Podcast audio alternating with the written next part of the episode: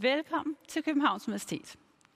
Vi befinder os i universitetets festsal, der ligger i hovedbygningen på Frueplads.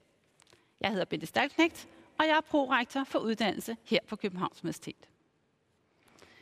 Som I måske ved, så blev det gamle universitet beskudt og brændte ned under det engelske bombardement i 1807. Nogle år senere så gik den danske stat bankerot, og alligevel besluttede kongen at opføre denne bygning til Københavns Universitet. For som han resonerede, fordi vi er fattige, behøver vi ikke også at være dumme. Vi skal være glade for universitetets kloge hoveder. Særligt, når vi pludselig får brug for ny viden, som samfundet ikke anede, at det ville få brug for. Som for eksempel her under coronakrisen, hvor universitetets viden bliver livsvigtig. For eksempel i forbindelse med udvikling af vacciner imod covid-19. Og i dag, der skal vi åbne universitetets skattekiste af viden for jer. I sidder cirka 1000 mennesker derude bag skærmene. En af Apples grundlæggere, Steve Jobs, har sagt, at hans mål var at lave en bule i, univers- i universet. Og da den første iPhone kom på gaden i 2007, så bankede Jobs ikke alene en bule i universet, men også et krater i vores bevidsthed. Og det afføder nogle spørgsmål. Hvordan kan man karakterisere den generation, der ser verden gennem en skærm? Er smartphonen blevet et sovedyr? Og er den angstprovokerende? Og nej, I har ikke behov for at google svarene. I dag har vi nemlig samlet nogle mennesker, som i min bog altid vil slå Googles søgeresultater. Nemlig fire forskere og deres forskningsresultater. Ved min side i dag, der har jeg Ole Krog Petersen, der er direktør i Danica Pension. Dagens event er nemlig udviklet i et godt samarbejde mellem Danica Pension og Københavns Universitet. Danica Pension de arbejder systematisk med at forbedre kundernes mentale helbred, men har i øjeblikket mange skadesager, der handler omkring psykologbistand. Og de har i 2020 blandt unge registreret en stigning på 38 procent i denne øh, type sager sammenlignet med de foregående år. Så meget desto vigtigere er dagens event. Som en fun fact, så kan jeg nævne, at Ole han har været på landsholdet i militær femkamp.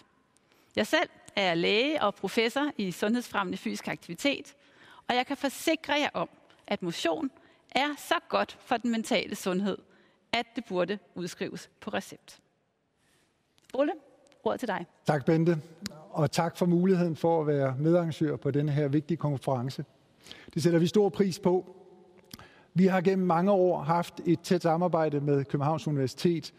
Senest øh, har det været med Naja Hulvej Råd, øh, hvor vi har øh, udviklet et forebyggelseskoncept, der kaldes Skærmtiden, som handler om mobilafhængighed og de konsekvenser, der kan være øh, for vores sundhed øh, ved det. Samarbejdet med Københavns Universitet er enormt vigtigt for os, fordi det giver os adgang til den nyeste forskning, og dermed også den nødvendige faglige fundering, som vores øh, kundeløsninger skal være baseret på. Der er jo ingen tvivl om, at emnet i dag er både rigtig vigtigt og meget aktuelt. Som Bente også var inde på, så er der desværre sket en stor stigning øh, i andelen af dem, der har brug for psykologhjælp, mental øh, udfordringer, hvor vi blandt vores 800.000 kunder i år eller i 2020 har kunne se den her store stigning, som Bente talte ind i. Rent faktisk, hvis man kigger på Q4 alene, så har det været en fordobling for aldersgruppen 25-34 år, hvilket jo er øh, meget markant. Og derfor er det også enormt vigtigt, at vi sammen prøver at finde nogle gode redskaber og løsninger, som vi kan arbejde med. Der er ingen tvivl om, at corona øh, har haft en indflydelse på det her. Men uanset corona eller ej, så er tendensen der, og det er også derfor, det er så vigtigt. Vi har som arbejdsgiver en stor rolle i at kunne løse det her gennem det at skabe gode rammer og et godt arbejdsmiljø for vores medarbejdere herunder også de unge, som træder ind på arbejdsmarkedet. Men der er også brug for nytænkning. Der er brug for nye redskaber til at øh, tage højde for den moderne øh, måde, man arbejder på i dag med øget digitalisering, øget arbejdspres og større grad af fleksibilitet, som har en bivirkning, hvor at grænserne mellem arbejdsliv og fritid bliver sløret. Den opgave, den tror jeg på, vi løser bedst sammen i et samspil mellem både offentlige og private aktører, mellem forskere og erhvervsliv. Og derfor så glæder jeg mig også rigtig meget til at høre forskerne og paneldebatten, eller de, de paneldeltagernes bud på, hvordan vi konkret får taklet de udfordringer, vi ser øh, øh, med, med de her øh, problemstillinger. Og med det, så øh, vil jeg egentlig bare ønske alle sammen en rigtig god konference. Tak for det, Ole. Det er jeg sikker på, at vi får. Så nu har jeg en glæde af at præsentere dagens moderator. Øh, det er Adam Holm. Han er historiker, øh, og så har han forsvaret sin Ph.D. på Københavns Universitets Saxo Institut om højere ekstremisme i Europa. Han er tidligere vært på Deadline og vært på flere radioprogrammer. Senest øh, 4. Division på P1, som jeg kan sige er stærkt vanedannende. Og så er Adam et omvandrende bevis på, at Danmarks Radio, og i hvert fald P1, slet ikke kunne fungere uden Københavns Universitet, som bidrager med forskere til at dække en meget stor del af den æderborgende visdom. Så over til dig, Adam. Tusind tak, Bente. Jeg har desværre ikke været på landsholdet i militær femkamp, og jeg har heller ikke taget en lægeuddannelse, som du lige var inde på. Jeg har spillet en, øh, en tung højre bak på et serie 4-hold øh, i bunden endda. det var det. Men lad fodboldhistorien ligge. Øh, for min del, igen, tak for de pæne ord fra Bente og også oplægget fra Ole spændende tema, vi skal tage fat på. Som Bente var inde på, så er der i omegnen af 1000 tilmeldte fra det, man kunne kalde det professionelle Danmark. Der er små, mellemstore og helt store virksomheder. Der er forskningsinstitutioner, der er kommunale organisationer, der er fonde, enkeltpersoner, studerende selvfølgelig osv. Så det er dejligt, at der er så mange, der er samlet om et tema, som selvfølgelig vedgår os alle sammen som, som samfund, og som mange jo, altså problemstillingen, som mange har inde på livet. I kender programmet, Ole skitserede det også lige. Der er i hver af de to store blokke, er der to forskeroplæg efterfulgt af en paneldebat. Det er sådan set lige ud af landvejen. Og øh, så er der en 10 minutters pause, hvor man selvfølgelig lige kan strække ben og hente lidt til kaffekoppen, eller stikke hovedet ud og, og mærke solen. Øh, vi kører frem til klokken 17, og I er meget velkommen, I der sidder derude, til at blande jer med spørgsmål og eventuelt indstik. Øh, en af universitetets dygtige kommunikationsrådgiver Liv Alfast Strøm faciliterer den chat-debat, som, øh, som I kan blande jer i. Der skulle være et link på den side, I har. Hvis I har indstillet skærmen på øh, helskærm, tror jeg det hedder, så skal I lige gå tilbage til mindre skærm. Så kan I se chatfunktionen, og så kan I skrive til Liv, og så vil Liv viderebære spørgsmålene til både øh, i kølvandet på hver enkelt forskeroplæg og i forbindelse med paneldebatten. Så øh, make it lively. Med disse ord så øh, skal vi gøre klar til det første forskeroplæg. Det kommer ved Søren Schulz Hansen, og han taler under overskriften Digitale indfødte på job. Men inden vi får Søren på scenen, så har øh, kommunikationsafdelingen her på universitetet været på gaden og strikket en lille voxpop sammen, der handler om, hvor ligger din mobiltelefon om natten? Hvor ligger din mobiltelefon om natten? Den ligger øh, desværre på mit natbord ved siden af mig. Og tjekker du den om natten? Øh, kun hvis den ringer. Jeg prøver sådan, jeg vågner nogle gange af en besked, men jeg prøver at lade være at tjekke det. Øh, den er jeg først begyndt at lægge ind i min stue. For hvorfor det? Fordi at jeg brugte den alt for meget, øh, inden jeg skulle sove, og når jeg vågnede om morgenen. Så nu har jeg købt mig et vækkeur, og øh, så lægger jeg den derind og lader op om natten. Jeg kan også godt føle mig stresset en gang imellem, men det er kun kort vej. Og hvad stresser dig så? Det kan være lige op til en eksamen, eller noget vigtigt, man skal på sit arbejde. Øhm, det, det er typisk det, der kan stresse mig jeg har haft øh, lange perioder øh, med stresssymptomer, hvor, det har været, hvor der har været alt, alt for meget. For mig er det mest arbejdspres og, og den her øh, behovet for at være på hele tiden og skulle være tilgængelig hele tiden. Vi arbejder freelance, så er det lidt uforudsigeligt nogle gange. Men det er så også det, der er det sjove. Så det hele er sådan lidt... Øh, det, der gør mig stresset, er også det, der er det sjove tit. Det kommer så lige an på, hvordan... Øh, hvilken vej det ligesom vender.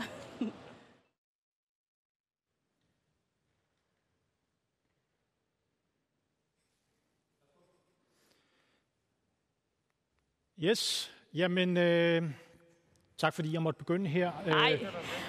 Øh, øh, jeg øh, bare lige kommentere lidt på, øh, på, på det her, jeg er blevet sat til, nemlig at give et signalement af en generation.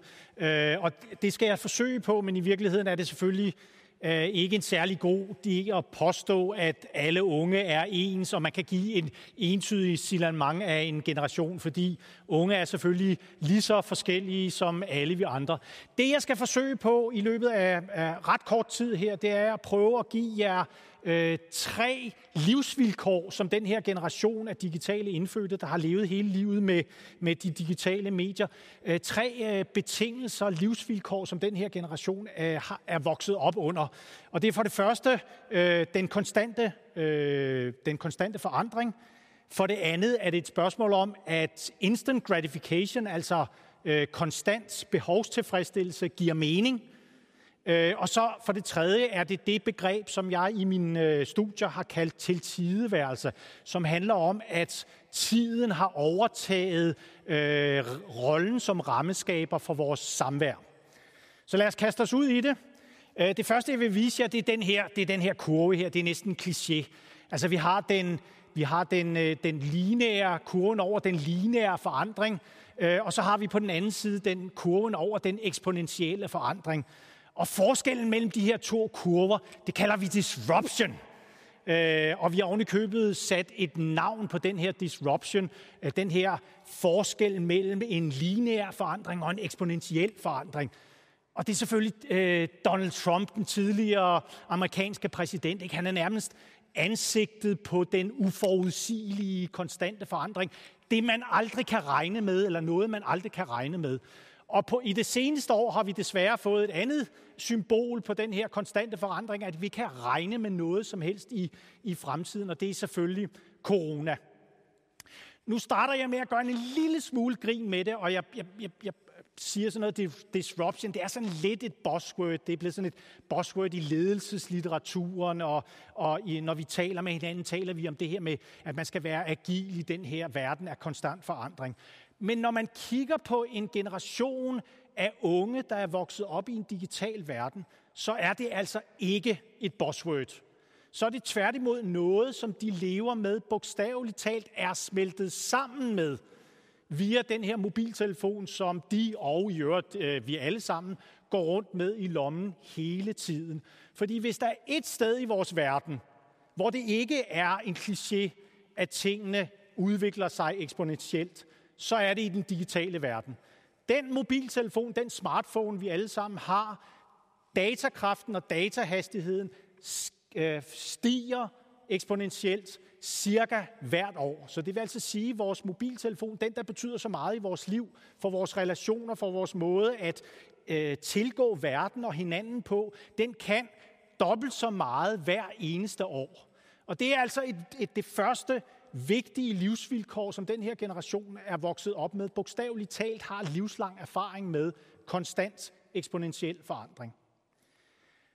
Og hvis man lever i en verden, der forandrer sig hele tiden, og ikke bare forandrer sig hele tiden, men forandrer sig hele tiden med en eksponentiel fart, så er der en ting, som er rigtig, rigtig interessant, og det er, at så er instant gratification, altså umiddelbar behovstilfredsstillelse, det er ikke bare sådan noget barnligt noget, sådan noget med, jeg vil have, jeg vil have, jeg vil have, og jeg vil have nu.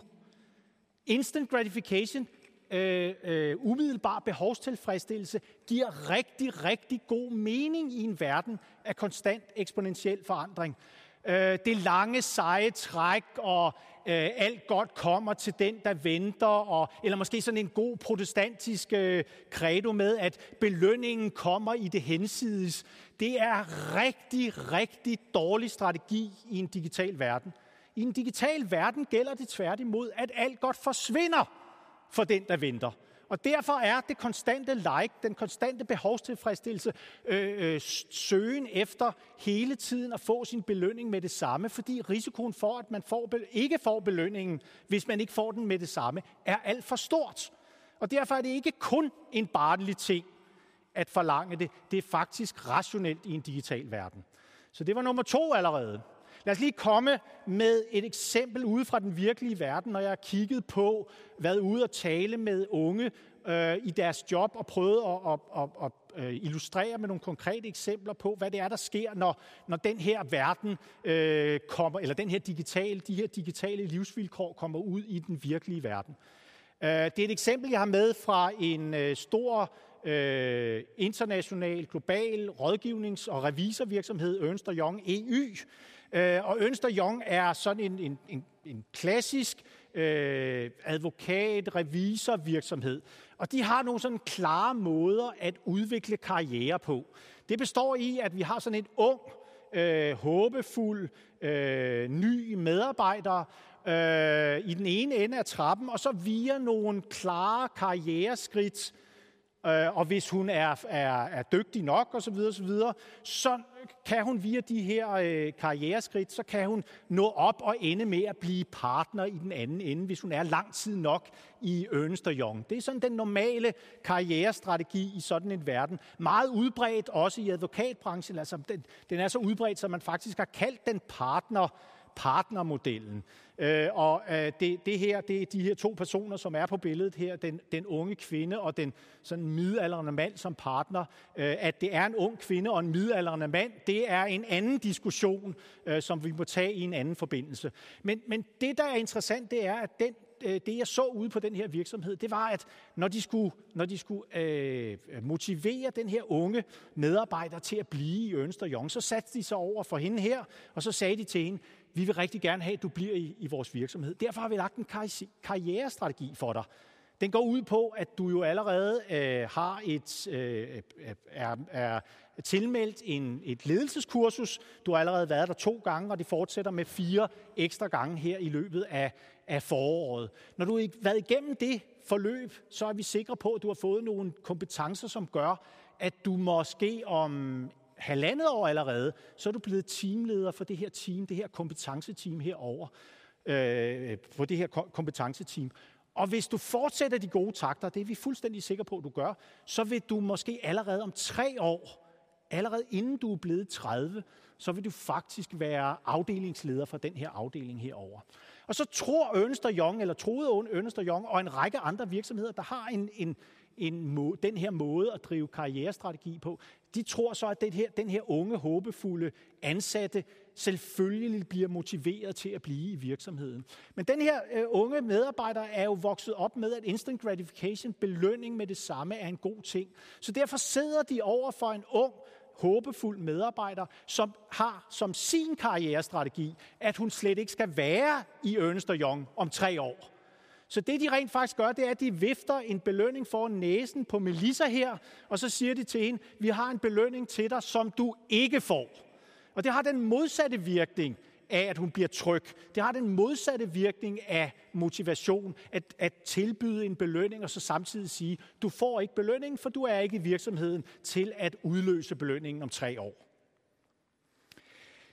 Det tredje øh, den tredje betingelse for den her generation af digitale indfødte handler om noget så grundlæggende som forskellen mellem tid og rum.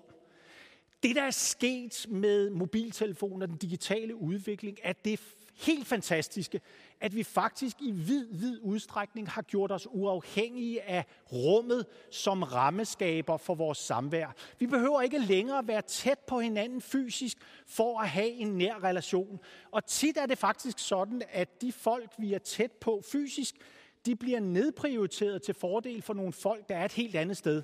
Jeg er sikker på, at I alle sammen kender den der fornemmelse af at blive nedprioriteret, når man sidder omkring middagsbordet eller mødebordet, til fordel for et eller andet, der sker et helt andet sted. Men det er fordi, der er sket det i virkeligheden fantastiske, at vi med digitalisering, den digitale udvikling, har gjort os uafhængige af rummet.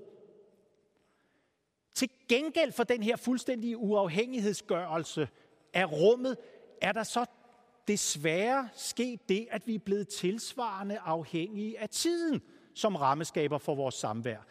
Vi er simpelthen at gøre med en generation af mennesker, de her digitale indfødte, for hvem det er vigtigere at være til tide, end at være til stede.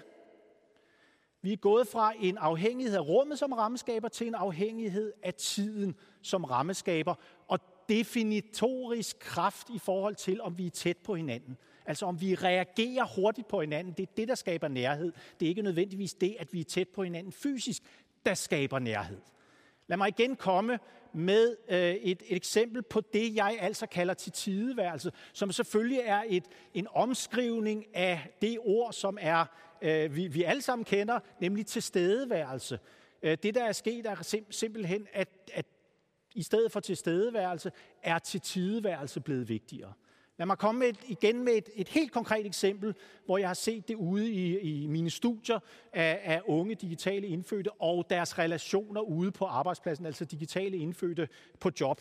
Øhm, jeg besøgte en stor dansk global virksomhed øh, inden for fødevarebranchen øh, og snakkede både med en meget, meget dygtig, ambitiøs, erfaren leder og nogle af hendes øh, medarbejdere. Og noget af det, øh, lederen fortalte, det var, at nærværet, nærværet, synligheden som leder er utrolig vigtig. Det er virkelig vigtigt, at, at jeg som leder er nærværende i min relation til mine medarbejdere. Og fordi den her leder øh, prioriterede det her nærvær så højt, så holdt hun faktisk møder med alle sine medarbejdere cirka en gang hver 14. dag. Hun havde en 12-15 medarbejdere, så det altså, og, og hvis de her møder så tog en time, så vil det altså sige, at hun brugte en hel dag hver eneste uge på at holde møder med sine medarbejdere. Men det var, fordi hun vidste, hvor vigtigt nærværet var øh, i en relation mellem leder og medarbejdere, og i, i øvrigt i, i alle mulige relationer. Og derfor øh, skrev, eller øh, sagde hun så noget med, at, at nærvær og tilstedeværelse, det skabte hun i den der en-til-en relation, at hun var øh, til stede med sine medarbejdere en gang hver 14. dag. Det var det, der skabte nærværet. Det interessante var bare, at jeg talte med nogle af hendes medarbejdere, som også pegede på, hvor vigtigt nærværet var i ledelsen og relationen. Og også nævnte de her 14-dages samtaler som et eksempel på nærvær. Der var bare én vigtig forskel. Og det, kunne ses, det kan ses i det her citat. Øh, øh, nærvær eller tilstedeværelse, det, det er noget, jeg får af min leder øh, i møder en gang hver anden tredje uge. Det er ikke særlig nærværende. Så vi altså gør med en leder, der snakker om, at nærvær i relationen mellem leder og medarbejder er utrolig vigtig, og peger på, at den måde, hun skaber det her nærvær, er via 14-dages samtaler, så ofte som hver 14, altså så ofte som hver 14. dag, hvor hun er ansigt til ansigt med sine medarbejdere. Og så har vi nogle af hendes unge digitale indfødte medarbejdere, der også efterspørger nærvær, og også nævner 14-dages samtalerne som, som eksempel, men de nævner dem som eksempel på manglende nærvær. Og det der er forskellen simpelthen, man kan se meget konkret i forskellen mellem de her to, øh, de her to mennesker og de her to citater, det er, lederen snakker om nærvær i rum, ansigt til ansigt, fortrolighed. Hendes unge medarbejdere snakker om nærvær i tid. Frekvens, antallet af gange, jeg agerer med mine medarbejdere eller mine, mine leder. Til tideværelse over for tilstedeværelse, nærvær i, i rum over for nærvær i tid. Den her rumuafhængighed er jo, ret, er, er jo faktisk ret konkret, og det, det, netop i, i, på arbejdsmarkedet kan vi jo se det med det, det her grænseløse arbejdsliv. Øh, I 2021, vi er, vi er, vi er langt forbi øh, de tider, hvor man tager på arbejde. I 2021, der tager vi arbejdet på, helt bogstaveligt, når vi putter mobiltelefonen i lommen eller iPad'en under armen. Og, og det her med, at vi er blevet uafhængige af rummet, er fantastisk, men det betyder omvendt også, at der ikke er længere nogen rum, vi kan gå hen, hvor vi ikke er tilgængelige, hvor vi ikke er alene.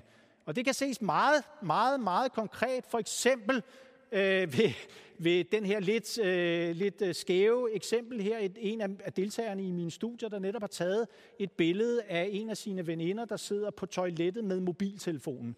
Der er, I, I skal forstå det helt bogstaveligt, når, når, når man siger, eller når jeg siger, at der ikke længere er nogen rum, nogen steder, hvor vi er alene længere. Og det er en af konsekvenserne af den her rumuafhængighed, som jo også er fantastisk.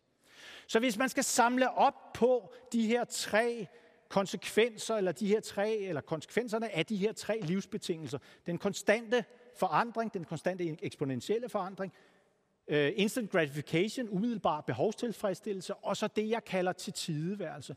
Så det, I skal forstå som metafor, som billede, det er faktisk, at når man går rundt med en mobiltelefon i lommen, så manifesterer mobiltelefonen, når der kommer en notifikation, eller en sms, eller et snap, eller hvad det nu er, via den vibrerende mobiltelefon i lommen, så manifesterer mobiltelefonen sig lige så nærværende, lige så fysisk nærværende, som en finger, der prikker på skulderen. Så det er altså både bogstaveligt talt og i overført betydning det, man skal forstå, at vi har at gøre med en generation, og i stigende grad alle os andre selvfølgelig også, en generation, der har levet hele livet med, at de bliver prikket på skulderen hele tiden. Og det er selvfølgelig stressende. Tak, det var det. Tusind tak, Søren. Det var et meget tilstedeværende oplæg, vil jeg nok sige, på, på trods af afstanden i rum mellem os. Øh, meget spændende. Jeg minder lige om, at I, der sidder derude, som jeg også sagde indledningsvis, er meget velkommen til at kommentere og komme med spørgsmål. Jeg prøver at få øjenkontakt med Liv øh, og se, om der er noget. Øh, Søren, kan du ikke lige øh, elaborere lidt mere over der, hvor du slap, altså kontrasten mellem øh, til stedværelsen og øh, til tideværelsen. Ja. Et, et skønt udtryk. Jeg troede først, det var tideværv, du talte om, men nu, nu, nu forstod jeg, hvad, hvad der ligger i øh, til tideværelsen. Et, et, et rigtig godt udtryk. Men hvis den digitale generation repræsenterer til tideværelsen, og vi som er lidt ældre øh, og, og sådan lidt mere analog i hovedet, repræsenterer til stedværelsen, og er dem, som ansætter de øh, til tideværende unge. Hvordan øh, kommer man over det her gap, som det hedder på nydansk? Ja, altså det, det letteste, især når vi er på sådan en vidensvirksomhed som øh, Københavns Universitet, er jo at sige, for det første skal vi være bevidste om det. Altså det, i det eksempel, jeg brugte med den her dygtige, ambitiøse, erfarne leder, som jo rent faktisk troede, hun skabte nærværende ledelse. Mm. Øh, hun gjorde alt det rigtige, men, men hun, hun overså den kendskærning, at hun skabte ledelse eller nærvær i, i rum i stedet for i tid. Så det første er, at hun skal bevidstgøres om, at det kan være, at jeg skal gøre noget andet, fordi der er nogle andre krav, der skaber nærværet. Det er jo ikke det samme, som hun bare uden videre skal gøre, som hendes unge medarbejdere kræver, fordi det er selvfølgelig Nej. ikke altid øh, øh, hensigtsmæssigt, at man er til tideværende. Så det er mere en betingelse, end det egentlig, som jeg startede med at sige, er sådan en, en, en homogen, øh, entydig karakteristik af en generation. Det, det er de betingelser, de lever under. Så det første er det der med, at man, man netop øh, kigger på det, forsker, det, ud, ud, øh, forsker i det, øh, undersøger det og, og, og skaber noget viden, noget bevidsthed om, at det er sådan, det hænger sammen, så man er klar over, som minimum, hvornår man stryger med hårene, og hvornår mm. man stryger mod hårene på en, på en generation. Og så det, det giver sig selv, at temaet i dag, øh, og det vi også kommer til at høre i de øvrige oplæg og i paneldebatten, handler om, om unge eller generation digital. Men du sagde jo også, at vi andre, øh, de skaldede og gråhårede osv., øh, bliver, bliver jo også indfanget i det her. Ja. Øh, så kommer vi til ad år, jeg ved godt, du ikke har en krystalkugle, men kommer vi til at operere på Generation Digitals præmisser? Kommer vi alle sammen til at blive meget mere til tideværende og, og jage instant gratification? Øh, øh, øh, det, det meget korte svar er, er at, at det, er vi, det er i hvert fald model, eller det er i hvert fald mønstret hidtil. Altså de studier, jeg har lavet, er, er de første, jeg har lavet, er, er, er mere end 10 år gamle. Øh, og, og det jeg kan se, at den, den øh, adfærd og de, øh, ja, de betingelser, jeg beskrev, øh, for, for unge teenager dengang, de, de første studier, jeg lavede, øh, i meget, meget høj grad øh, er endt med at passe også på ældre generationer. Mm. Så, så, og det er også derfor, jeg understreger det her med, at, at man kan selvfølgelig ikke lave et signalement af en generation, men, men generationen kan bruges til sådan ligesom øh, en, en kanariefugl i, i, i tunnelen, som ligesom lugter gassen, før alle vi andre lugter gassen. Fordi vi andre lever jo også under de betingelser, som den digitale verden øh, skaber. Vi er måske, netop fordi vi er gråhårede øh, og skaldede, af, kan det være, at, vi er lidt, øh, at det kommer lidt senere til os, og måske i nogle andre former. Men betingelserne øh, lever vi sådan set også over, under. Og nu ved jeg godt, det her er ikke et, øh, et bønnemøde, hvor man skal smide sig på knæ og bekende... Og sideværv igen. men, men, men altså, jeg bliver nødt til, at, at mellem os to og, og de cirka 1000, øh, der ser med, altså, kan du selv mærke en, en, øh, en fli af det, du lige skildrede der? Altså, sådan set konstant at være på? Kæmpe. Altså, selvfølgelig kan jeg mærke det.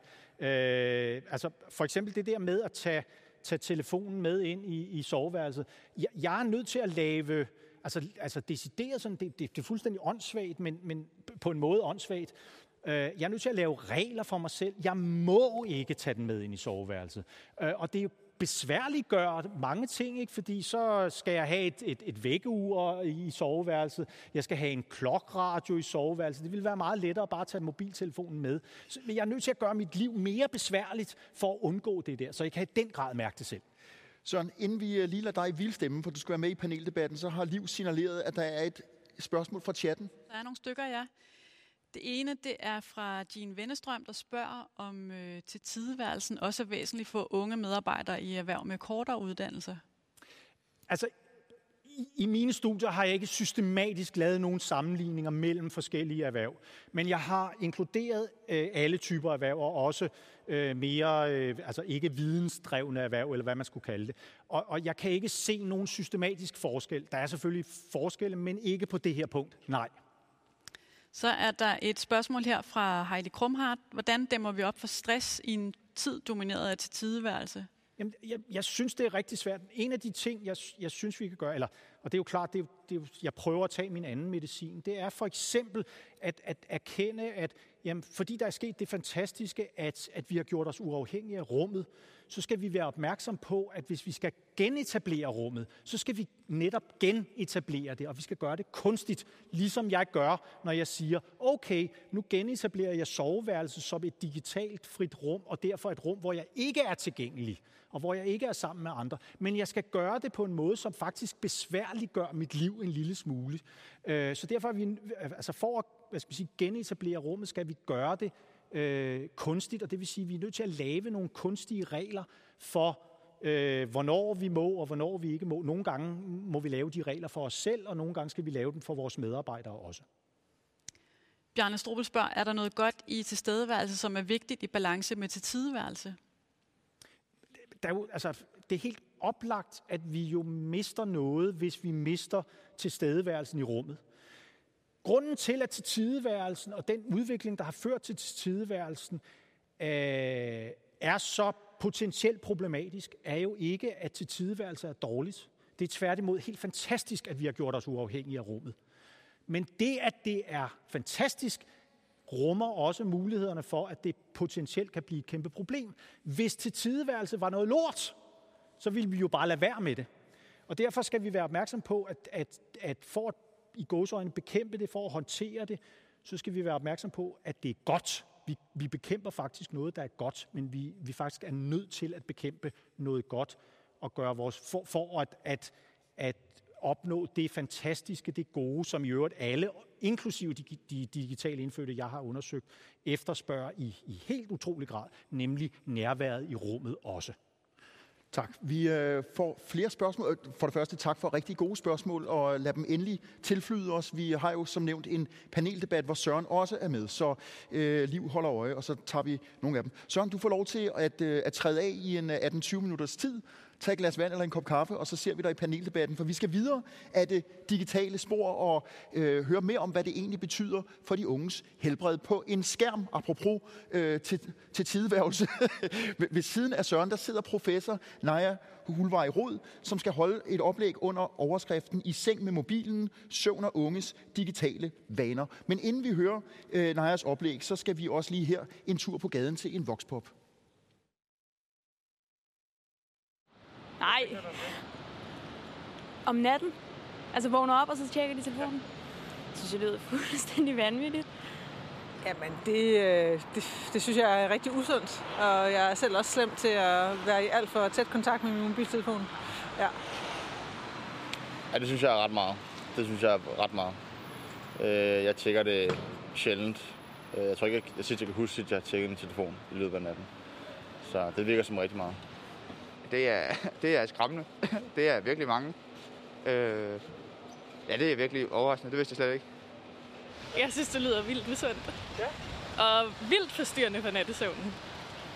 Øh, det lyder virkelig vildt. Det kan ikke give god nattesøvn. Jeg tænker, det er for meget. Jeg tænker, at øh, det der behov, der er for at, sådan, at være med, det der, jeg ved ikke om FOMO er det rigtige ord, men at der er det der behov for ligesom, at ikke gå glip af noget. Ja, så lød det altså fra unge på gaden. Øh, mere eller mindre troværdigt måske.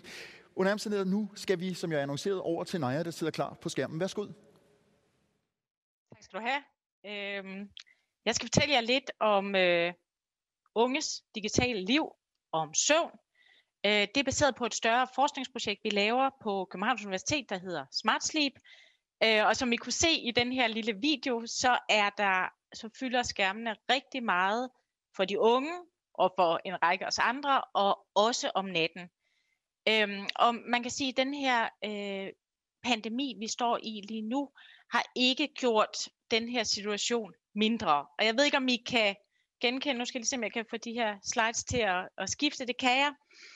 Hvis I, øh, hvis I kigger på det her billede, øh, så kan I måske øh, genkende noget af det, men med pandemien er der mange af os, der arbejder hjemmefra. Øh, der er rigtig mange af de unge, der studerer hjemmefra. Og det betyder, at skærmene lige pludselig har fået en, en plads også i, hvad kan man sige, på hele tiden. Så de, øh, de betyder noget, øh, men man tager, hvad kan man sige, man tager arbejdet med i, i bogstaveligste forstand i, øh, i seng som den her mand. Jeg kender øh, unge mennesker, der siger, jamen vi sætter vækkeuret til fem minutter før, øh, hvad kan man sige, klokken ringer ind, så øh, sætter vi os lige op med en pude i ryggen og øh, tænder for skærmen, og så er vi så til undervisning. Så der er sket en kæmpe sammensmeltning, og skærmene fylder endnu mere, end de nogensinde har gjort. Vi skal ikke jo snakke øh, om corona sådan primært her, men jeg vil alligevel lige øh, nævne, at et af mine andre store forskningsprojekter, det hedder Corona Minds, øh, og der har vi simpelthen fuldt øh, udviklingen i mentalt helbred hen over hele nedlukningen, altså både den første nedlukning og nu den anden nedlukning. Og det vi kunne se, en af de ting, vi har fulgt, det er livskvalitet, og de her tal, de uh, taler næsten for sig selv, at uh, før nedlukningen var der omkring 17 procent af de her unge kvinder, der sagde, at de ikke havde en optimal livskvalitet. Og det tal, det var steg faktisk under den første nedlukning til 42 procent. Men, men lad os gå, gå lidt tilbage til skærmene, fordi det er selvfølgelig helt konkret nu her i under pandemien, øh, men lad os også se lidt bredere på det. Øh, noget af det, øh, jeg kommer fra Institut for Folkesundhedsvidenskab, og noget af det, vi er interesseret i, det er, hvad har mobiltelefonen gjort for vores helbred? Og hvorfor lige mobiltelefonen og ikke alle mulige andre skærme? Det er fordi, at de fleste af os har mobiltelefonen på os hele tiden. Øhm, også når vi bruger alle vores andre skærme, så derfor er den et, et meget god, øh, det, det er en meget god indikator på, hvor meget vi bruger skærmene. Noget af det, vi har øh, sådan i folkesundhedsvidenskaben interesseret os for, det er i virkeligheden tre ting. Øh, det første, det er fysisk aktivitet. Øh, hvad betyder mobilen for vores fysiske aktivitet? Og den fysiske aktivitet, der har der været faktisk mest fokus på børnene, og ikke noget, vi skal snakke så meget om mere her, men altså, hvad gør det, at man har en skærm hele tiden for den naturlige fysiske aktivitet i dagligdagen? Det andet, der er fokus på, øh, og det som, øh, som Søren også var meget fint inde på, øh, så handler det om de sociale relationer, både på arbejdspladsen og uden for arbejdspladsen. Altså, hvordan interagerer man med andre mennesker? Og der giver mobilen faktisk både nogle muligheder i, at vi deltager i nogle øh, fællesskaber, vi ellers ikke ville have haft mulighed for, men det giver jo også på den anden side nogle, nogle ekstreme, øh, eller muligheder for nogle ekstreme konsekvenser, som når man går ud i for eksempel det, der hedder cybermobning. Søvnen er det, der interesserer mig allermest, øh, og hvordan mobilen påvirker vores søvn. Øh, og hvordan ser det egentlig ud med vores søvn? Øh, og nu skal jeg lige have de her til at skifte. Uh, nu kommer den. Øhm, det, det her, det er, altså der er lidt meget, øh, der er lidt meget information på den her øh, graf, men lad mig lige tage jer igennem den det handler, det er sådan en, øh, det er det, der hedder den nationale sundhedsprofil, hvor man spørger en, et, et bredt udsnit af danskerne hver øh, cirka 3. 4. år om, hvordan det går med deres sundhed. Og noget af det, man spørger om, det er søvnproblemer. Og det her, det er andelen, der har været generet af søvnproblemer de sidste 14 dage. Og til venstre har vi kvinderne, til højre har vi mændene. Øhm, og så er ellers i alderskategorier. De lyseblå, det er tal fra 2010 de grønne fra 13 og de røde fra 17. Øh, og hvis man så øh, zoomer ind, vi snakker om primært de unge i dag, nu zoomer jeg så ind på kvinderne igen, mønstret for mændene ser, ser øh, lige sådan ud. Så ser vi faktisk øh, en markant stigning i de her aldersgrupper, altså dem under 35, ser vi en markant stigning i dem, der er generet af søvnproblemer. Tager vi de 16-24-årige, så var det 25, nej undskyld, 35 procent, der var generet søvnproblemer øh, i løbet af de sidste 14 dage i 2010, og det tal var altså steget til 50 procent i 2017. Det er en meget markant stigning. Og hvorfor er det nu, at sådan en som mig er så interesseret i søvn? Jo, det er fordi søvnen er helt central for vores biologiske restitution, for vores sundhed og vores mentale funktion. Det skal jeg fortælle jer lidt mere om. Lad os starte med hjernen. Så øh, hjernen har helt vildt meget brug for søvn. Så når man sover, så gør hjernen, så, så, så har det i virkeligheden to primære funktioner øh, for hjernen. En er, at hjernen får mulighed for at kategorisere, altså øh, putte, øh, organisere og sortere alle de indtryk, vi får i løbet af dagen. Det gør vores hukommelse meget mere effektiv. Det andet er, at den har mulighed for at rense, øh, hvad kan man sige, øh, øh, øh, affaldsstoffer ud i vores hjerne i løbet af natten. Begge de her ting har stor betydning for, hvordan man fungerer i dagligdagen. Så har man søvnmangel i kortere og selvfølgelig især i længere tid, så har det stor betydning for velbefindende, performance, det har faktisk også betydning for ens samarbejdsevner. Det er sådan, at når man har søvnmangel, så kan det være svært for eksempel at aflæse ens kollegers øh, ansigtsudtryk, øh, så man har svært ved at indgå i samarbejde. Og så kan det have betydning for ens reaktionsevne, og det er selvfølgelig specielt problematisk, hvis man arbejder øh, eller har et arbejde, hvor, hvor man har meget behov for hurtig reaktion. Det kunne være i trafikken eller med farlige maskiner. Øhm, søvnen, øhm, jeg vil fortælle jer en lille smule om, hvordan vores søvn er opbygget, og det er ikke fordi, vi skal gå meget ned i øh, de meget tekniske detaljer, men det er faktisk lidt vigtigt for at forstå, hvorfor øh, det her med mobilen er interessant. Vores søvn er opdelt i nogle faser, og de her faser tager cirka 90 minutter. Øhm, og lad os nu tage et eksempel her. Så lad os sige, at det er en person, der går i seng kl. 11 om aftenen. Han eller hun er vågen i en periode, lille 5 minutter eller eller andet, og så går ned i det, der hedder, vi kalder REM-søvn, eller Rapid Eye Movement søvn, som også på dansk bliver omtalt som drømmesøvn. Øh, det er en lidt lettere søvn, og det er der, vi drømmer. Derefter går man ned i de dybere stadier af søvn, dem der her hedder N1, 2 og 3, og nede i de dybe stadier af søvn, og især i de allerdybeste stadier, hvor man tilbringer det meste af den første fase her, det, øh, det er der, hvor den biologiske restitution foregår. Så det er i virkeligheden der, hvor kroppen genopbygger alle de små skader, der hele tiden sker på vores organsystemer. Og det er derfor helt centralt for, hvad kan man sige, vores sundhed på længere sigt. Når der så er gået cirka 90 minutter, så øh, kommer man op, altså her klokken halv et om natten, så kommer man op i en lidt lettere søvn igen. Øh, og når man har været det et, et kort vej, det er måske lige der, hvor man drømmer lidt, så går man ned i dybere søvn igen. Når man kommer længere hen på natten, så ændrer mønstret sig lidt, og man får flere af de korte opvågninger og mindre dyb søvn. Så det er altså helt naturligt at have nogle korte opvågninger i løbet af natten. Hvad der er interessant, og for at komme tilbage til skærmene og til mobilen, det er, at man ikke bliver forstyrret i den dybe søvn. Altså at man får perioder i løbet af natten, hvor man kommer ned i den dybe søvn. Øhm, og nu skal jeg se, mine slides her, de tager lige et øjeblik. Øhm, så når man, lad os sige, nu hører de selv på den her, øh, den her lille video, der kom før, at der er faktisk rigtig mange, der bruger deres mobiltelefon om natten. Der er mange af os, øh, øh, der kan finde på at have mobiltelefonen liggende ved siden af sengen. Og hvis der så kommer en lille aktivering, en lyd, en besked et eller andet i løbet af natten, så kan det gøre, eller noget af det vi øh, er ved at undersøge, det er, kan det så betyde, at man går fra den dybe søvn op til enten lettere søvn end en egentlig opvågning, så man ikke får den dybe søvn.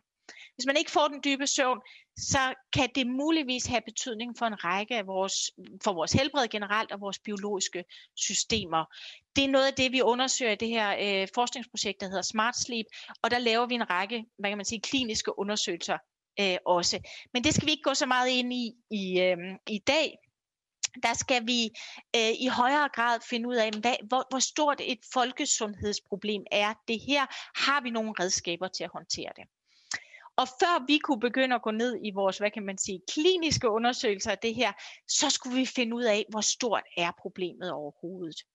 Og der lavede vi et øh, fantastisk samarbejde med Danmarks Radio, øh, og især Godmorgen P3, som, øh, som, hvor vi i løbet af en uge, det, det er det, man kalder citizen science, hvor vi i løbet af en uge blev enige med Danmarks Radio om, vi vil gerne sætte fokus på, og vi vil gerne inddrage lytterne og seerne og dem, der bruger øh, Danmarks Radios medier i at forstå forskningsprojekten, men også bidrage med data til forskningsprojektet øh, øhm, øh, øh, her. Og der, det, det vi helt konkret gjorde, det var en, en uge i, øh, i slutningen af 2018, hvor vi simpelthen hver morgen øh, var inde, og øh, forskerne fra, fra mit team her var inde i Godmorgen P3, øh, så vi fik et rigtig godt øh, forhold til, til, til værterne der. Øhm, og så, så øh, hjælp de og alle lytterne på Godmorgen P3 en række af andre platforme også med at samle data ind. Og samtidig så fortalte vi og delte ud af en masse af den viden, vi har, og vi supplerede også med, med resultater hver eneste dag. I den forbindelse, der, øh, der lavede vi en lille video, øh, og den vil jeg faktisk se, om jeg lige kan spille for jer her. Den, den giver et meget godt overblik over, hvad det var for et øh, forskningsprojekt. Sover du godt? Eller er der noget, der generer din søvn? Kunne det måske være vibrationerne ved siden af dig? Eller et skarpt blåt lys 10 cm fra dit ansigt? Eller andre bip-bip-forstyrrelser? Det er ikke det fedeste for vores søvn, når vi bliver forstyrret om natten. Og når søvnen ikke er god, kan det betyde noget for vores helbred. Faktisk kan det betyde rigtig meget. Får du blåt lys i hovedet inden sengetid, kan det hæmme søvnfremmende nerveceller og undertrykke produktionen af det søvndysende hormon melatonin. Mobilen stimulerer dig også mentalt, hvilket kan gøre det svært for dig at falde i søvn. Så den her kan altså i sidste ende få betydning for dit helbred. Nogle bruger den meget, andre bruger den rigtig meget. Også om natten. Men selvom smartphones har været her i mange år, så ved vi ikke meget om konsekvenserne ved at have den i soveværelset. Derfor vil et forskningsprojekt fra Københavns Universitet undersøge, hvad den kan have af betydning for dig på længere sigt. Og hæng lige på. For du kan være med til at gøre os alle sammen klogere. Hvis du vil hjælpe videnskaben, så hop ind på dr.dk-sover du godt. Og hvad kan man sige, det var der heldigvis rigtig mange, der gerne ville. Øhm, det er ikke fordi, I skal se øh, detaljerne her, men, men, men, men det her viser i virkeligheden, øhm, eller det viser, hvor mange der deltog hver dag i ugen før og ugen øh, efter det blev lanceret på Godmorgen P3. Og det I især skal bide mærke i, det er øh, den her store øh, stigning. Det skete simpelthen den mandag morgen, hvor, øh, hvor det blev lanceret på Godmorgen P3, og hvor de her fine værter, de gik ind og sagde, prøv at høre her, vi har lige været inde og, og hjælpe Naja og hendes team med at øh, fortælle noget om, hvordan vi bruger vores mobiltelefon. Kan I ikke gøre det samme? Øh, og det var sådan, at der faktisk i løbet af den første halve time var 1000 mennesker inde øh, og deltage. I løbet af den her uge var der 25.000 danskere, der deltog i undersøgelsen. Og det gav også et fantastisk udgangspunkt til at forstå, øh, forstå udbredelsen af det her øh, relativt nye folkesundhedsproblem i befolkningen. Og hvad fandt vi så ud af? Øh, vi fandt ud af, at øh, der er mange af os, der bruger vores mobil om natten, og det er vel at mærke om natten efter man har lagt sig til at sove. der er der 30 procent af dem, der er øh, de helt unge, de, øh, de, de 16-25-årige. Øhm, men hvis man ser, så, så der er flest helt unge, der bruger den om natten, men ser man over hele den erhvervsaktive alder, så er det faktisk mere end 10 procent, der bruger deres mobiltelefon om natten. Så det er mange. Øhm, der er lidt flere kvinder end mænd, øh, og det, det er sådan relativt, øh, øh, relativt øh, geografisk fordelt. Vi havde jo en hypotese om, at det at bruge mobiltelefon om natten, det var relateret til dårlig søvnkvalitet. Og man kan sige, at den hypotese fik vi i den grad bekræftet. Så hvis man aldrig tjekkede sin mobil om natten, så var der 36 procent, øh, der brugte, der, der, øh, der sov dårligt om natten, mens det var 66 procent blandt dem, der tjekkede den øh, hver nat. Så der var en klar, hvad der så er hønnen og ægget, det her, det er noget af det, vi er ved at finde ud af. Øhm, og så kan man så sige, hvad laver folk egentlig med deres mobil om natten? Det er jo lidt interessant. Øh, og der er ingen tvivl om, at øh, noget af det rigtig mange gør, det er, at de tjekker, hvad klokken er.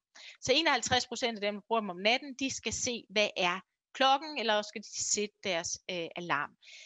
Øh, problemet, øh, det er måske, man kan sige, det er ikke så stort et problem, hvis det sker, når man er naturligt lige vågner op. Problemet er, at mange samtidig med også tjekker en række andre ting. Så man går også ind, der er 32 procent, der også tjekker sociale medier øh, om natten, og der er øh, en, en fjerdedel af dem, der tjekker, tjekker også opkald og sms'er. Øh, og som I kan se af den her lille word cloud her, så er der også mange, der tjekker nyheder og mails og sådan noget. Det, der i virkeligheden kan aktivere os mentalt. Øhm, stress er øh, også noget, jeg har været interesseret i i mange år, øh, og igen ser vi en meget stærk korrelation mellem det at bruge øh, mobilen om natten, hvis man ikke gør det, eller gør det mindre end, en, øh, end hver uge, så 13 procent oplever deres dagligdag som stresset, mens det er 25 procent, hvis de bruger den hver nat eller flere gange om ugen. Så igen, vi fik en række øh, tal her, som understøttede det, der var vores hypotese, nemlig at det her er et stigende potentielt folkesundhedsproblem, at man bruger mobilen om natten. Og da vi allerede øh, ved, at der er, øh, eller vi ved, og det er meget veldokumenteret, at søvnen er helt central for vores helbred og vores velbefindende. Og vi nu kan se fra de her tal, at, øh, at, at der er mange, der får forstyrret deres søvn på grund af mobiltelefonen. Så synes vi, at allerede tidligt i forskningsprojektet var det faktisk rimeligt at lave øh, og tale om at lave nogle værktøjer, som kunne afhjælpe noget af det her. Og i den forbindelse, der øh, indledte vi et øh, samarbejde. Nu har jeg allerede øh, mødt øh, Ole K. Petersen, øh, og vi, vi, øh, altså, øh, vi, altså vores forskningsprojekt øh, er indledt et samarbejde med Danica Pension. Ole har nævnt det lidt, det var i, øh, i 2019.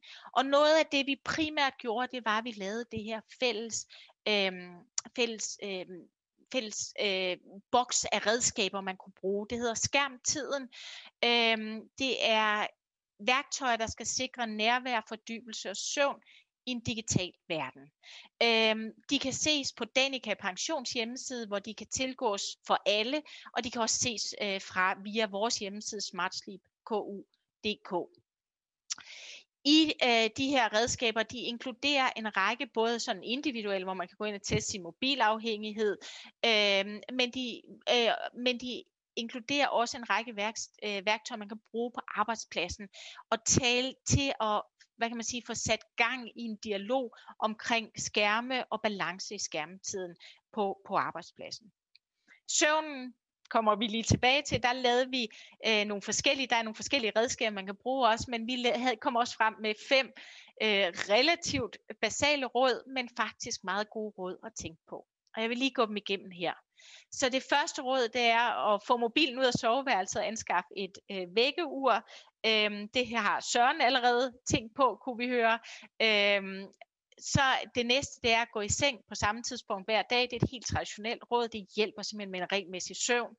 Øh, undgå ikke søvnrelaterede aktiviteter i øh, soveværelset er måske endnu mere relevant nu under coronapandemien, end, end det har været nogensinde før.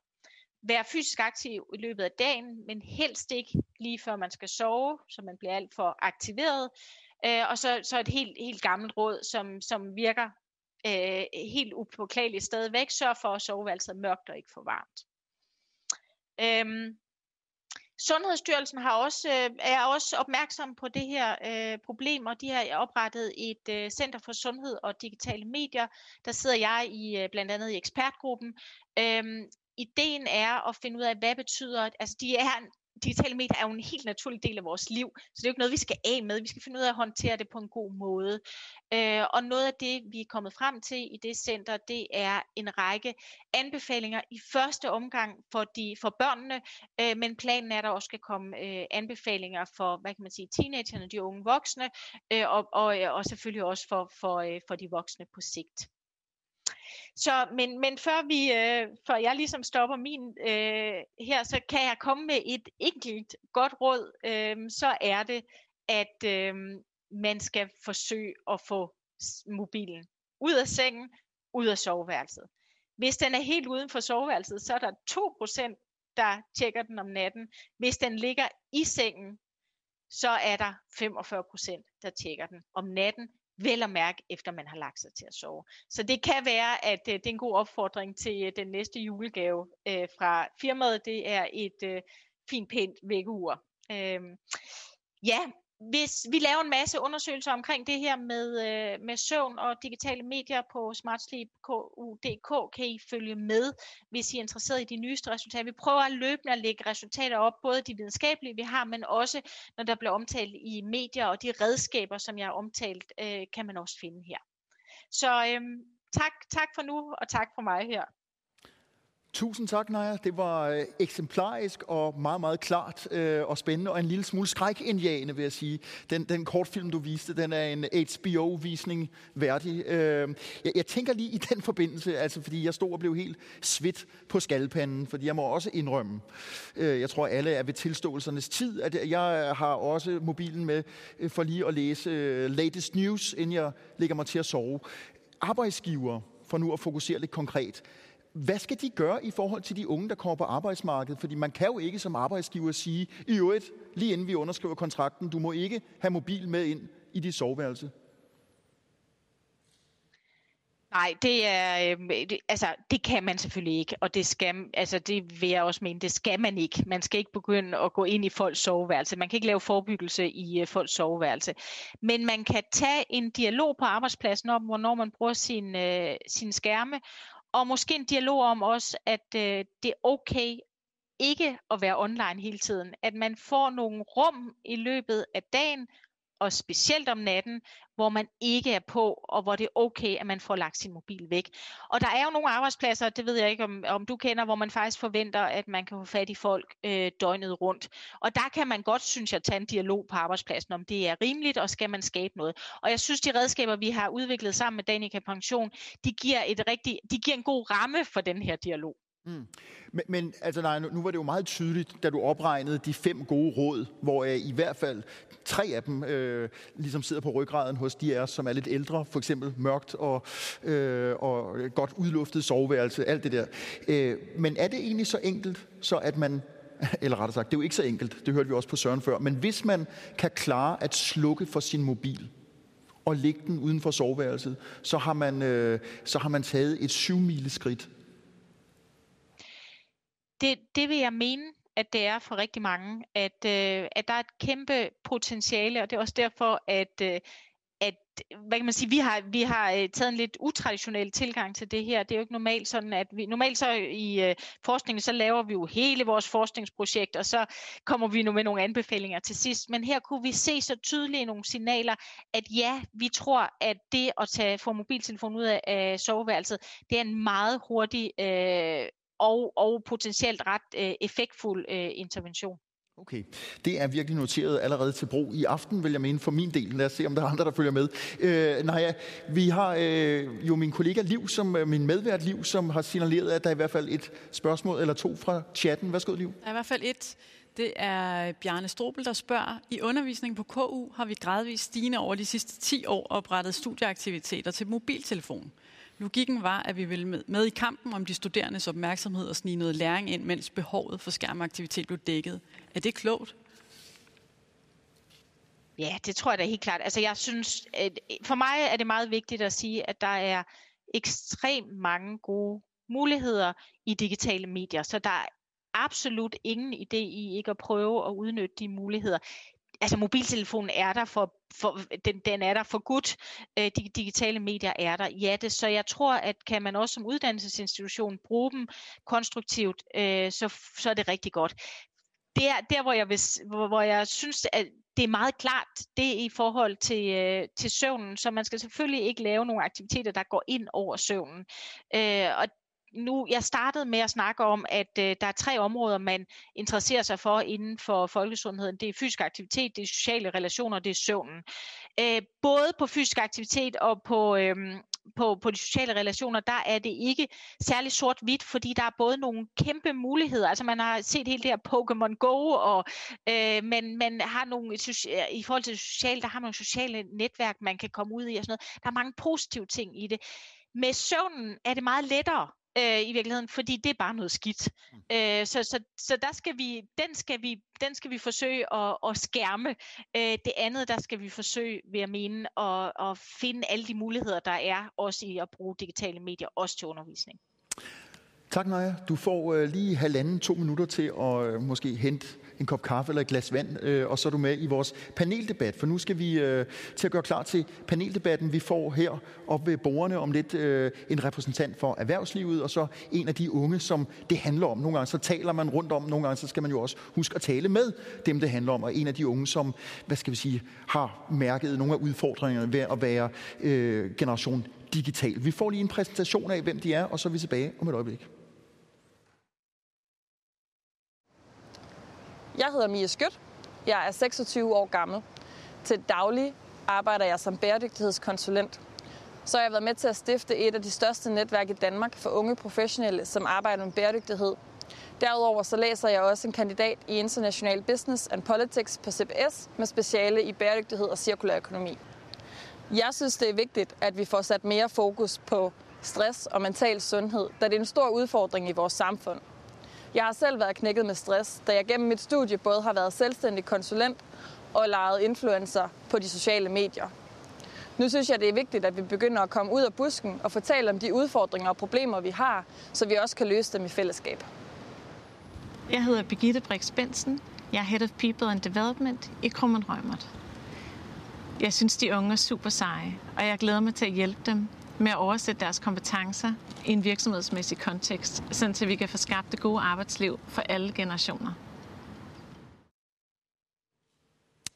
Ja, så går jeg ud fra, at vi er tilbage her. Det håber jeg i hvert fald. Tak til Emi og Birgitte, og vi har også Søren med, og Naja, hvor jeg vil sige, hænger stadigvæk og, og flagrer på skærmen. Så vi er godt dækket op, og jeg mener om, at I, der sidder derude og følger med, meget gerne må skrive spørgsmål til liv på, på chatten. Så vi øh, har sådan i rundetal øh, 27 minutters øh, tilstedeværende snak. Og jeg kunne godt tænke mig at starte med at spørge dig, Mi, du vil ud af busken, siger du, det er på tide, øh, og du har beskrevet kort dit forløb med, øh, med at knække af stress, for du øh, kan 117 ting og har, mange, har haft mange bolde i luften. Genkender du både det, som, som Søren har talt om, med, jeg bliver ved med lige at skulle have begrebet, øh, hvad var det? Til tidvalg, ja, undskyld. det er fordi, det rykker så meget ved mine øh, vante øh, fagbegreber. Øh, genkender du det, både Søren og Naja har været inde på? Det gør jeg øh, både øh, til, til tidværelse og instant øh, gratification.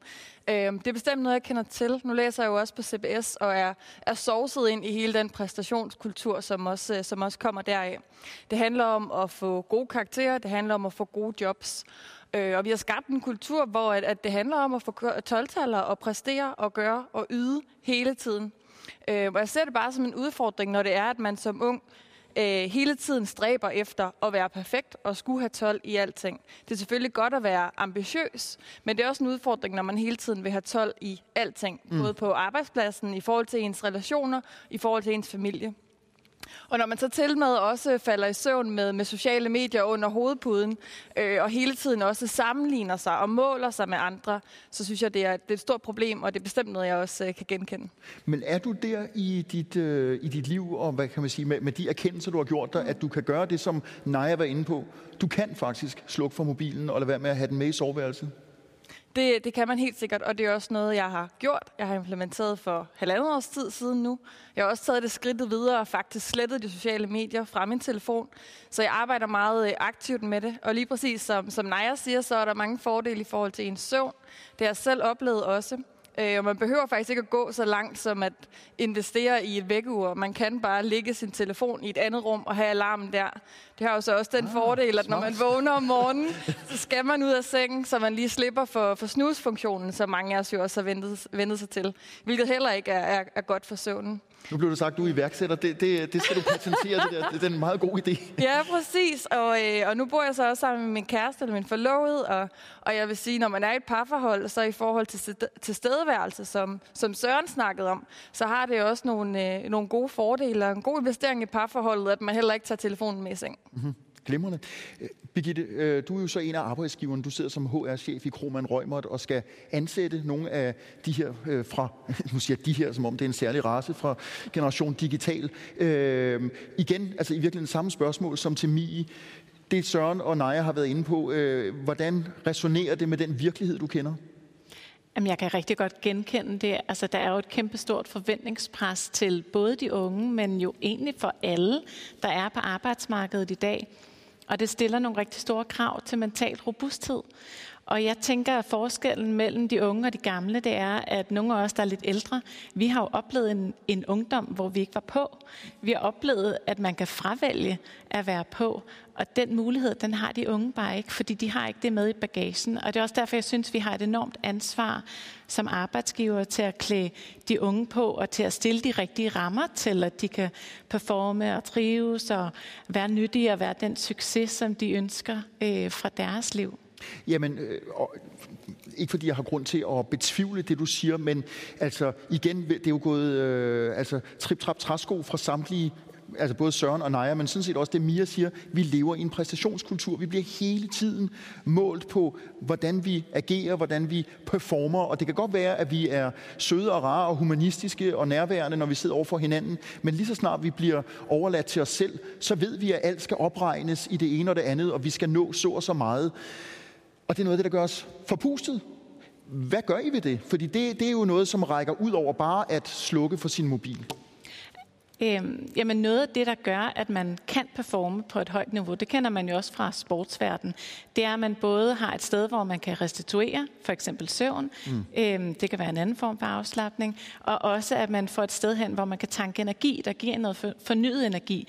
Og noget af det, vi har, gør, har gjort for rent faktisk at værne lidt omkring den der restitution, der indfører en balance og fleksibilitet, en balance og fleksibilitetspolitik, som gør, at man faktisk kan tilrettelægge sin arbejdsuge over en fire-dages arbejdsuge, at man kan vælge at gå ned i tid i en kortere periode eller i en længere permanent periode.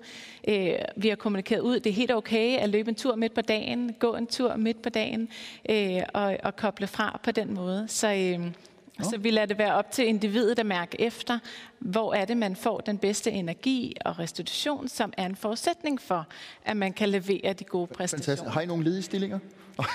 Nej, men, men nu, du, du hørte jo, at jeg spurgte Naja, om, om man kan gå helt ind i, i soveværelset som arbejdsgiver, altså om man i forbindelse med en ansættelsessamtale eller en mus, eller hvad det er, kan sige, i øvrigt, øh, mobilen ikke ind i soveværelset. Kan, kan, tør I øh, gå så langt, fordi det er jo også at bryde med nogle klassiske privatlivsrammer. Ja, altså det vi gør i stedet for, det er egentlig at kigge på individet, og så have nogle dialoger. Altså en af, vores, en af de seks punkter, vi egentlig går igennem i sådan nogle meget strukturerede halvårsdialoger, vi jo har, som man kan høre fra Søren, at det, øh, det kan vi jo godt øh, gøre meget mere hyppigt. Um, der er balance og fleksibilitet faktisk et af kernepunkterne, som vi gennemgår. Så det kan være, at den balance og fleksibilitet, du havde behov for, er helt anderledes, end det en anden medarbejder lige ved siden af havde behov for. Så, øh, så for os er det vigtigt, at, at mærke efter, hvor er den enkelte medarbejder, mm. hvad er det, de har kapacitet til, og hvad er det, de har behov for. For vi skal jo heller ikke holde nogen tilbage, som har energien til Præcis. det, og synes, det er sjovt, men samtidig skal vi værne om at dem, der har behov for lige at få lidt mere struktur på, på deres dagligdag, for eksempel, for at kunne præstere. Ja, jeg skal sige, at uh, Liv har markeret deres spørgsmål fra chatten, men jeg vil selvfølgelig lige spørge både Søren og Naja, om I i tillæg til det, Mia og Birgitte har sagt, uh, har en eller anden, et eller andet indstik, så er I i hvert fald meget velkommen.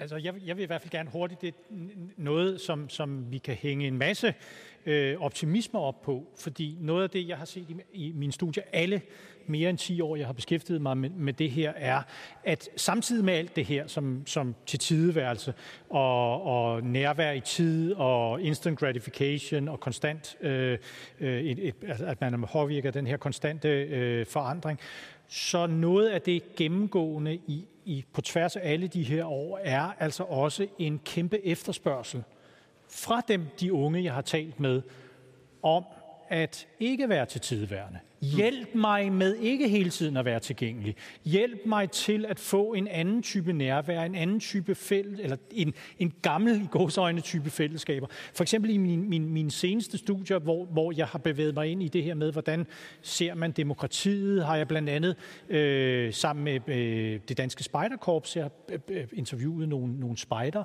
og de definerer nærmest det at være spejder som, at det er noget, der foregår uden mobilen. Øh, de siger, at det er virkelig mærkeligt ikke at bruge, altså at bruge kort og kompas for at navigere, når jeg bare kunne bruge GPS'en på mobiltelefonen. Det er jo virkelig åndssvagt, men det er fantastisk.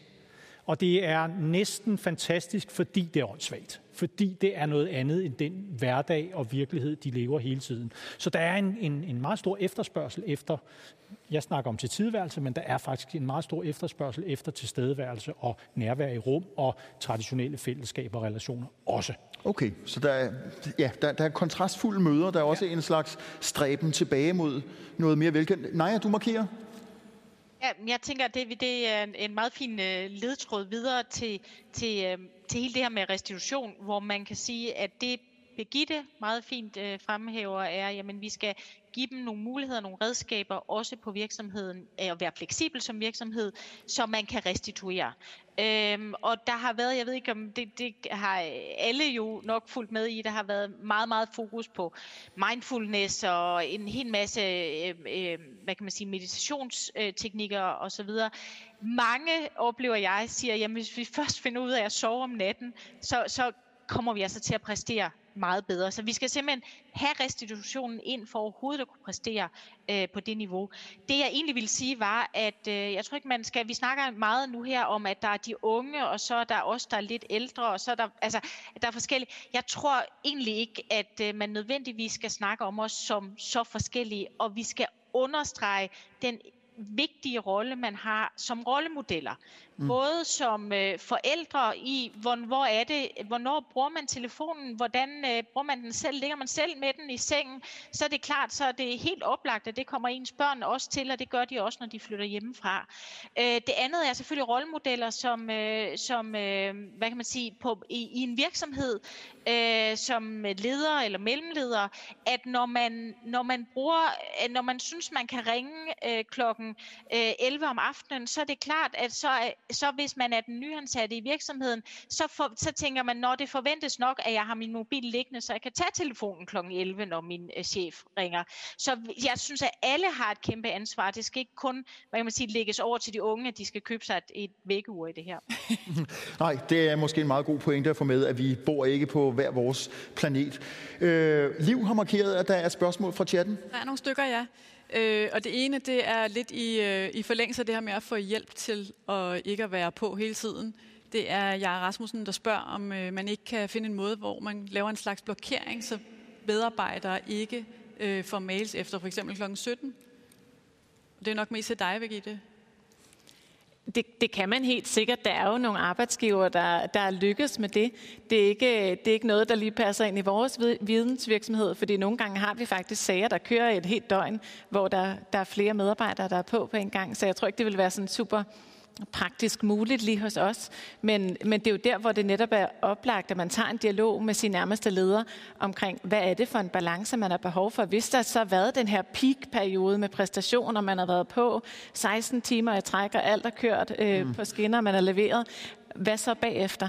Altså, hvordan får man så restitueret og få samlet op øh, på sig selv og få lavet energien op igen. Ja, og igen, det, det er ikke fordi, at du skal øh, altså på pinbænken og, og virkelig tilstå øh, din, dine virkelige inderlige motiver, men, men du står jo og er, har en meget central funktion i Krumman Rømert, og I er jo først og fremmest sat i verden for, at jeres medarbejdere præsterer. Det vil sige, at de må meget gerne vise noget drive, noget dynamo og, og fare ud af. Øh, og samtidig så kommer du med, øh, med nogle øh, hensigtserklæringer, eller, eller det er sikkert jeres virksomhedspolitik, men, men, men der er, sådan hører jeg det, du må korrigere mig, men det, det lyder som om, at der godt kan være nogle sammenstød, fordi altså, øh, først og fremmest så er der jo også en bundlinje, I skal kigge på. Helt bestemt. Hvis du kan følge mig. Helt bestemt, det er der. Øhm, og det er vigtigt, at man finder den der balance mellem, mm. hvad er medarbejderens ambition og præstationsniveau og kompetencer, og hvordan får vi bygget en bro hen imod det, som opgaven kræver på, at der skal løses. Så ja, der er nogle, nogle sjove dynamikker, der er bygget ind i det, og det kræver nogle dialoger, det kræver nærværende ledelse, og det kræver, at der bliver åbnet op for begge parter, for både medarbejdere og ledere, der tør tage de lidt svære dialoger, det kan være, at sige, at jamen, nu har jeg været med på det her store peak-projekt, hvor vi arbejdede top igennem. Nu skal jeg lige have en periode, hvor, øh, hvor det lige bliver lidt roligere tempo, eller lederen får en leder den, den dialog også. Ja, Søren? Du ja, har også en tilføjelse? Jeg, jeg, jeg anbefaler, at, at man ikke, ikke lukker decideret ned for det. Øh, det tror jeg også er urealistisk øh, som politik de fleste steder. Men at man til gengæld har en, en, en ret defineret, jeg kalder det eskaleringspolitik, hvor man har nogle klare regler, for, som for eksempel tilsiger, at hvis, man, hvis en leder, lad os sige det, sender en mail efter klokken 17, så forventer man ikke noget som helst før næste dag. Øh, hvis det, lederen øh, sender en sms, så forventes det, at den bliver læst, men at man ikke nødvendigvis reagerer på den. Øh, og hvis der bliver ringet op, så, er det så, så haster det så meget, at, at man regner med, at man reagerer med mm. det samme. Og det behøver ikke lige være den eskaleringsregel, øh, der er, men at man har nogle ret klare regler, øh, udover selvfølgelig det, øh, øh, Naja også snakkede om med, med rollemodeller osv. osv. For hvis man ikke har nogen regler, så haster alt. Mi, øh, du er specialstuderende og øh, afleverer vel sådan inden for en overskuelig fremtid, så skal du søge job, så skal du ansættes øh, et eller andet sted. Kunne det være en del af dit øh, udspil til en arbejdsgiver og sige, at øh, jeg vil meget gerne have mig frabedt og blive kontaktet efter klokken 17, med mindre at det sådan er helt force majeure? Det, det kunne man måske godt forestille sig. Altså, jeg tror, jeg har det sådan lidt, ligesom Begitte også øh, lægger op til, at, øh, at det er også ærgerligt, hvis man får begrænset noget af den gode energi, som der er i nye medarbejdere. Specielt når man kommer ud på, på hvad hedder det, arbejdspladsen første gang, eller arbejdsmarkedet generelt. Så virksomhedspolitikker er rigtig gode at have, så længe vi bare heller ikke kommer til at begrænse den gode energi. Øhm, så jeg tror egentlig, det kommer meget ned til øh, den forventningsafstemning, man som ny øh, på arbejdsmarkedet har med sin leder og har med sin virksomhed. Hvad er kulturen der? Hvad forventer de? Og hvad føler man selv som individ, at man kan stå til rådighed, øh, til, rådighed til? Mm. Øhm, og så må man jo tage den dialog løbende, for jeg tænker også, der er en ubekendt for rigtig mange unge, øh, både for mig selv, men for mange andre også, og specielt når jeg snakker med mine venner, hvor man ikke ved, hvor meget man egentlig har lyst til at stå til rådighed, før man rigtig er derude. Man ved måske heller ikke, hvor ens grænser går henne og sådan nogle ting. Så jeg tænker, det er sådan en løbende forventningsafstemning, øh, så man heller ikke får, får bremset, bremset den gode motivation. Okay. Liv, du øh, markerede, at der var flere spørgsmål fra chatten. Der er flere spørgsmål, ja. Paul Helgesen, han spørger, øh, handler det digitale frirum mest om soveværelset, eller er det også, når vi holder, at, også at vi holder pauser på for eksempel gåturen, når vi venter på bussen? Alle tjekker mobiltelefoner eller lytter til noget, mens de gør det. Det kunne godt være, at vi skulle lade den medicinske sagkundskab, Naja, svare på det. Åh, oh, det, det, altså, det er, et svært, det er et lidt svært spørgsmål at, at svare på øh, for mig, fordi at jeg har faktisk ikke evidens, der støtter op om det. Det viser sig jo, man har jo lavet nogle undersøgelser, hvor man siger, jamen hvis man bliver forstyrret, når man arbejder for eksempel, af en mail eller en sms eller et eller andet, så kan det tage helt op til 20 minutter, før man kommer ind og er koncentreret på samme niveau igen det var egentlig ikke det spørgsmål, jeg gik på. Det var, jamen skal vi engang imellem have nogle frirum mm. i det her? Jeg tror, vi skal have nogle frirum. Jeg tror simpelthen ikke, vi kan håndtere, at vi bliver forstyrret hele tiden. Så bliver vi i hvert fald ikke særlig effektive og heller ikke særlig gode til at præstere. Øhm, og der er jo, at, at det, øh, det kommer så sådan fra den helt øh, klassiske, øh, hvad kan man sige, videnskabstænkning, det er, at øh, de helt store øh, videnskabsmænd og kvinder, noget af det, de altid gjorde, det var, eller mange af dem har gjort, og som er, er beskrevet i litteraturen, det er, at de har øh, gået en tur, for eksempel hver dag, øh, og først når de gik den tur, så faldt brikkerne rigtig på plads. Øh, og jeg tror faktisk, det er et meget godt billede at tænke i, at, øh, at, man, at man har brug for, hjernen har simpelthen brug for at lige køre lidt i øh, tomgang, øh, og, og måske er det lige præcis der, man får den gode idé, eller øh, kommer helt op til speed igen. Øhm, så, så jeg har ikke egentlig evidensen til at understøtte det med uden for, for soveværelset, men jeg synes, at alt tyder på det. Søren, du nikker. Har, har du evidensen, eller i hvert fald... Nej, jeg vil ikke sige, at jeg har evidensen, men, men, men jeg vil bare igen understrege, fordi jeg, jeg tror, det er fuldstændig rigtigt, at man har behov for de der, men, men understrege, at når vi, når vi lader være med at gøre det, så mm. er det jo fordi, det, det alternativet er fantastisk. Jeg får øh, 90 procent af, af min viden mens jeg cykler rundt med podcast i, i ørerne, og der kunne, og, eller mens jeg står og venter på bussen og så videre, så, videre. så øh, øh, kommer en masse viden, en masse debatprogrammer, en masse, alt sådan nogle ting, det kommer på det tidspunkt der. Så der er jo en, altså, alternativet er, at jeg ikke ville høre orientering på P1 øh, den dag, og derfor ikke ville få den viden. Øh, og det kan jo godt være, at det faktisk er et godt alternativ, men, men, men vi skal altså grunden til, at det er svært, er ikke, at det, alternativet er dårligt, men at alternativet er ret godt. Ja, præcis. Hvilket så understreger, at vi hele tiden kommer til at være på alligevel. Ja. Øh, Naja, det var bare lige øh, for at få lidt, øh, lidt, lidt øh, dialog her, så Søren, så vil jeg sige, at øh, 90 procent af mine forskningsidéer, de kommer, når jeg ikke hører podcast på vej hjem på cyklen. Øh, så, så det er bare lige for at udfordre den en lille smule. Okay. Birgitte, du markerer, jeg ved ikke, om det er for at fortælle om din yndlingspodcast? Eller? Dog ikke. Men øh, jeg vil bare lige dele her. I forgårs havde jeg faktisk lidt møde med, med alle vores nye medarbejdere i Krummen Rømert. Vi havde en 22 på kaldet, hvor jeg bare lige for sjov spurgte dem, hvor mange af dem, der egentlig havde løbet en tur eller gået en tur midt på dagen her i løbet af den sidste måned, hvor de havde, havde, øh, havde været i arbejdstøjet. Og det var der faktisk 47 procent af dem, der havde øh, svaret ja til.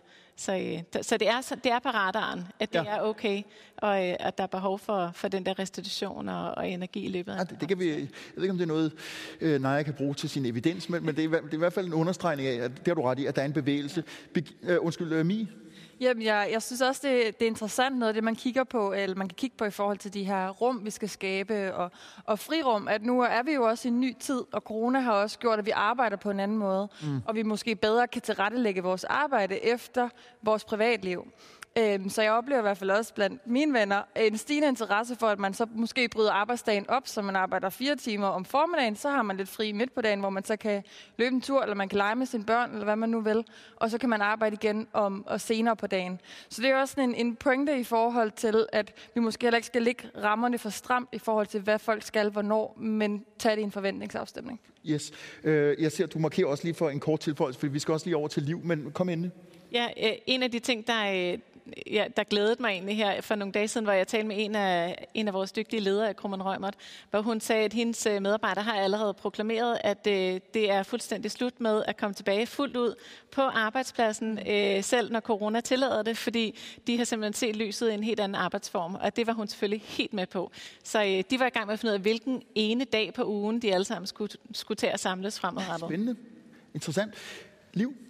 Det er et lidt mere overordnet spørgsmål fra Nana. Hun skriver, det er jo også en ambitiøs generation, som har behov for at præstere. Så hvordan spiller det sammen med, at arbejdspladser skal hjælpe med, at man ikke altid er på? Hmm. I undviger? Hvem? Ja, ja altså.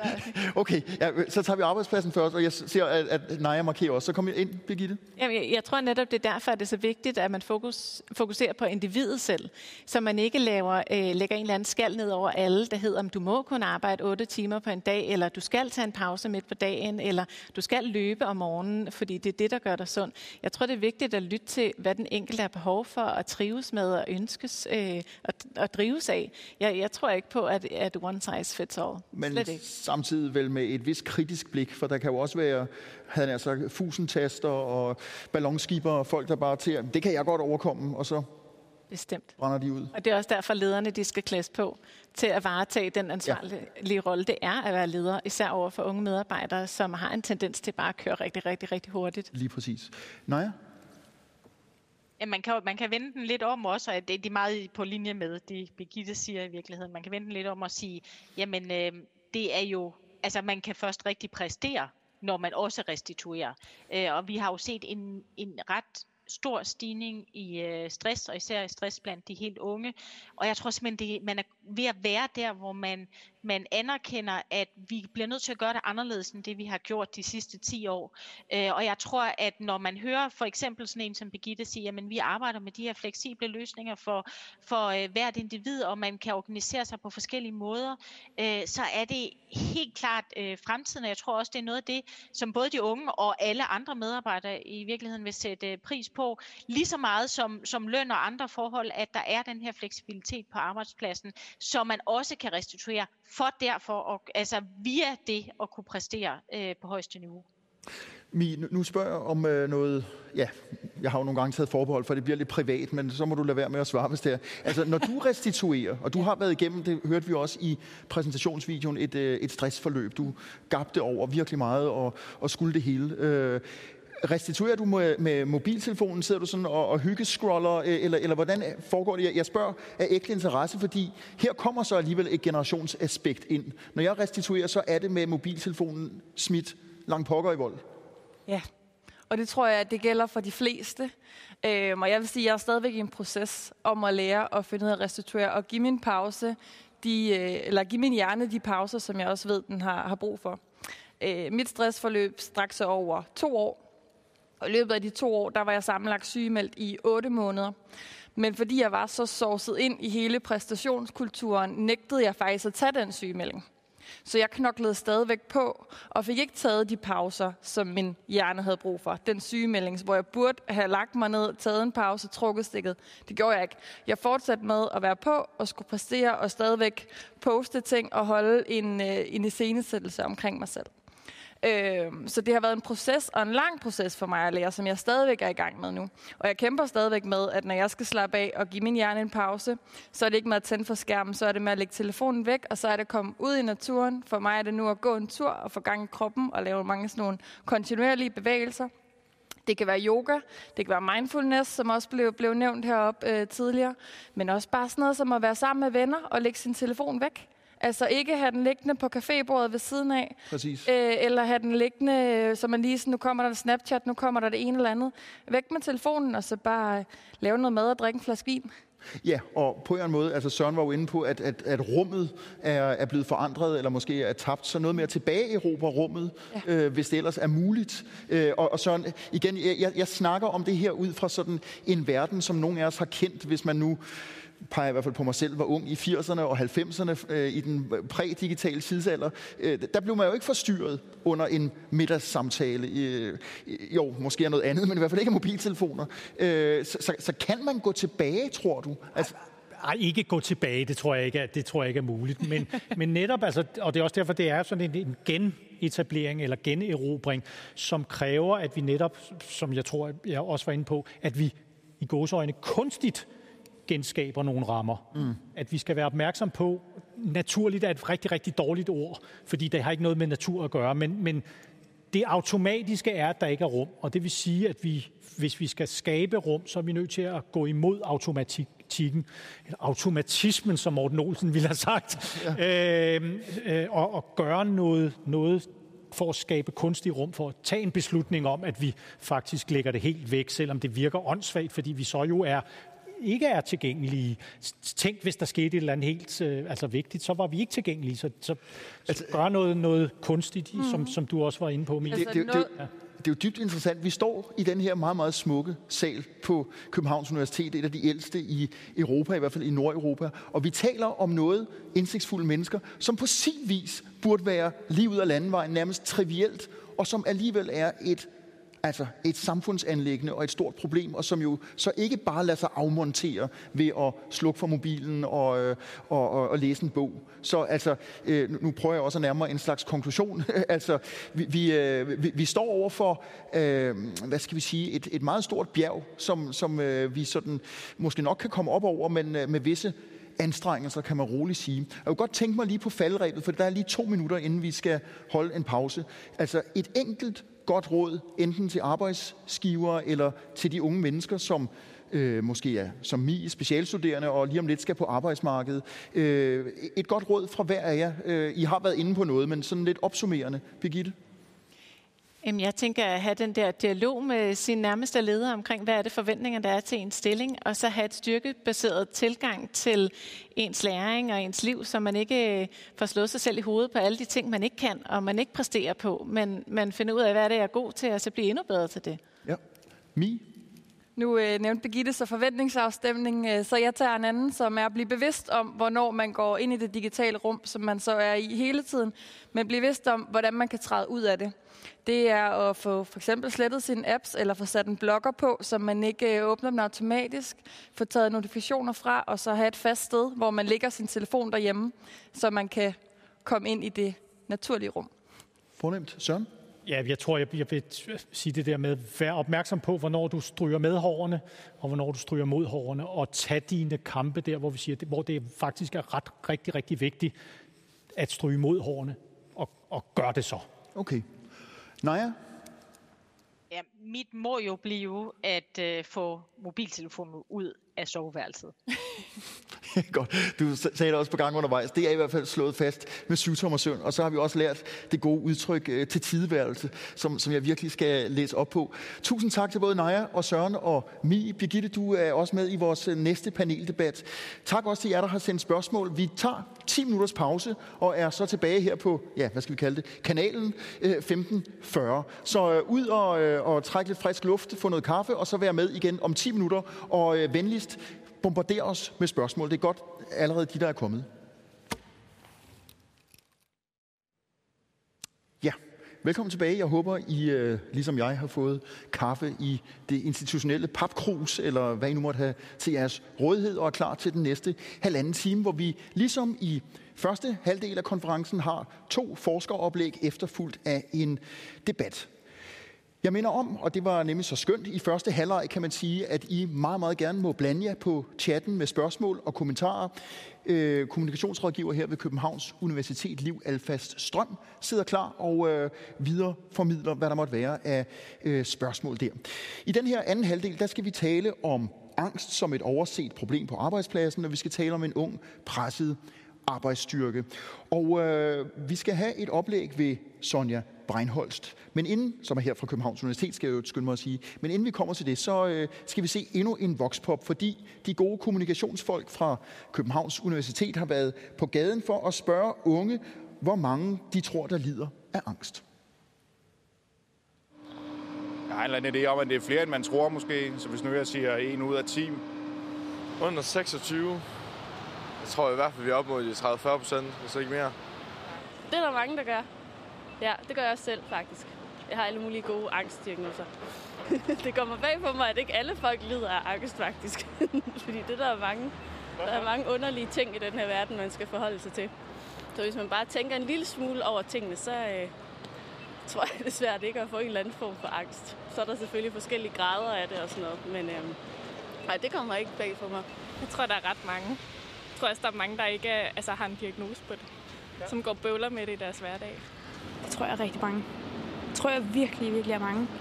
Øhm, Og hvorfor det? øh, øh, præstations øh, angst, at man ikke er god nok.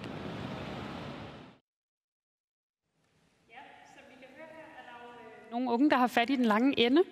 Der er nemlig rigtig mange unge voksne i Danmark, der lider af angst. Inden jeg kommer ind på, hvor mange og hvad man kan gøre ved det, så kunne jeg egentlig godt tænke mig at sætte rammen for, hvad mener jeg, når jeg siger angst som forsker og kliniker? Fordi øhm, angst er jo noget, vi egentlig alle sammen oplever. Det er der også en, der siger her i videoen, vi burde jo egentlig alle sammen være angste. Men angst behøver ikke at være behandlingskrævende og behøver ikke at være en diagnose, vi får. Så bare lige for at forklare forskellen, så kan man sige, ligger jeg i min seng om aftenen og hører, at der er nogen, der bryder ind, så er det jo meget naturligt og i virkeligheden nok meget godt, hvis jeg reagerer med at tænke, åh oh nej, hvad skal jeg gøre? Mit hjerte begynder at banke. Jeg gør mig klar til kamp eller flugt. Det er bare rigtig uhensigtsmæssigt, at jeg oplever de samme tanker af åh oh, nej og kampflugtreaktioner, hvis jeg sidder i et mødelokale med mine kollegaer på arbejdet. Fordi der er jeg ude i en helt anden situation. Jeg er ude i en ufarlig, urealistisk situation. Så derfor kan man sige, at definitionen på behandlingskrævende angst, psykiatrisk angst, er, når vi oplever katastrofetanker, kropslige symptomer på ikke farlige øh, situationer. Og det er det, jeg godt kunne tænke mig at snakke om i dag, fordi der er rigtig mange unge, der har det på den her måde. Men allerførst så øh, skal vi jo have besvaret spørgsmålet omkring, hvor mange unge under 26 lider af angst. Og det er faktisk sådan, at angst er den, en af de hyppigst forekommende psykiske lidelser blandt øh, mennesker. Unge under 26, der vil 25 procent af dem på et givet tidspunkt i deres liv leve op til de diagnostiske kriterier. Der er også en i videoen, der siger, at øh, der er nok flere end, end dem, der bare bliver diagnostiseret med det, der bøvler med angst. Og det er faktisk rigtigt. Tallet bliver endnu højere. Vi er op omkring 33 procent, hvis vi kigger på det forskningsmæssigt. Øh, dem, der lider af det, vi kalder subklinisk angst, det vil sige gråzonen for, hvornår man egentlig får en angstdiagnose. Og hvorfor skal vi stå her på en konference om, om unge og, og arbejdsmarkedet og høre om angst? Jamen, en af årsagerne til det er, at angst faktisk har rigtig mange negative følgevirkninger. Det påvirker os både på det personlige plan, men det påvirker også vores ydeevne på arbejdsmarkedet. Noget af det, vi kan se, det er, at der er hukommelsesbesvær, der er koncentrationsbesvær, der er også en tidsmæssig forbrug. Hvis man lider af angst, jamen så har man det, jeg kalder for en masse sikkerhedsadfærd og særregler om, hvor skal jeg sidde under et møde? Skal jeg komme med en undskyldning for kun at have de kunder, jeg er tryg ved, og ikke tage imod kunder, jeg ikke er tryg ved, osv. osv. Og det er nogle af de her negative følgevirkninger, som angst kan have. Angst har også rigtig mange komorbide lidelser, det vil sige sammenhængende lidelser. Der er en øh, i Voxpoppen her, der nævner, at hun har mange angstlidelser. Det er faktisk snarere ren end undtagelsen, at hvis man lider af angst, så har man typisk flere forskellige angstlidelser. Øh, det kommer jeg ind på lidt senere, hvordan det kan se ud. Men vi ved også, at øh, jo længere tid man har lidt af angst, jo større er sandsynligheden eller risikoen for at udvikle depression, vi ved også, at der er en markant forøget risiko blandt unge og voksne med angst i forhold til øh, alkohol og, og anden form for misbrug, fordi det er jo en god måde, at, god men uhensigtsmæssig måde at regulere følelser på, at drikke alkohol eller tage stoffer. Vi ved også, at der er en forøget risiko for selvmordstanker, og dermed også en øget selvmordsrisiko. Så det er ikke ufarligt at lide af angst. Og når nu vi står her og snakker om, om arbejdsmarkedet, så kan man sige, hvis, hvis man har en ung med en ubehandlet angstlidelse, jamen så kan den unge øh, komme med færre ressourcer, end den unge nødvendigvis vil komme med til, til øh, at håndtere arbejdslivet, hvis og så fremt, at angsten blev behandlet. Når vi så også kigger lidt på tallene, for eksempel fra Sundhedsstyrelsen, så øh, har en rapport fra Sundhedsstyrelsen vist, at angst i Danmark faktisk er den hyppigste psykiske øh, lidelse, der fører til førtidspension. Og når man så står her i mine sko som, øh, som forsker og kliniker og ved, at angst faktisk omvendt er den psykiske lidelse, der øh, er blandt de letteste at behandle, så har vi et eller andet skisme, der, der ikke lige et regnestykke, der ikke går op. Og jeg tænker noget af det, vi kan blive langt bedre til, det er både at opdage øh, de unge voksne, der lider af angst, men i virkeligheden også at støtte op om øh, at hjælpe dem med at komme ud af det, og selvfølgelig også, hvis der er behov for det, sende dem i den rigtige form for behandling. Men jeg sagde jo før, at der er forskellige former for angst, og noget af det, jeg gerne lige vil nævne, det er, at de hyppigste angstformer hos øh, voksne øhm, er det, vi blandt andet kalder specifik fobi. Jeg tror, det er det, de fleste af os kan ikke genkende til. Det er angsten for en bestemt genstand eller en bestemt situation. Det kan være transportmidler, det kan være mørke øh, så findes der det, man kalder social fobi, det vil sige øh, angsten for at blive negativt evalueret af andre, angsten for at gøre noget pinligt. Det er jo her, de sociale medier også kommer ind, fordi det har vi jo hørt både fra Søren og Naja. Der er ikke det her rum, hvor vi ikke hele tiden er på. Det vil sige muligheden for at dumme sig ikke kun stopper, når vi træder ud af et socialt rum, men fortsætter på de sociale medier. Så har vi det, man kalder generaliseret angst, som bare er et fancy ord for det at bekymre sig. Øh, det er personer, der øh, det er lidt ligesom sådan en snibbold, der ruller. Man kaster, og der er ikke nogen, der kan stoppe den, og det bliver til en lavine.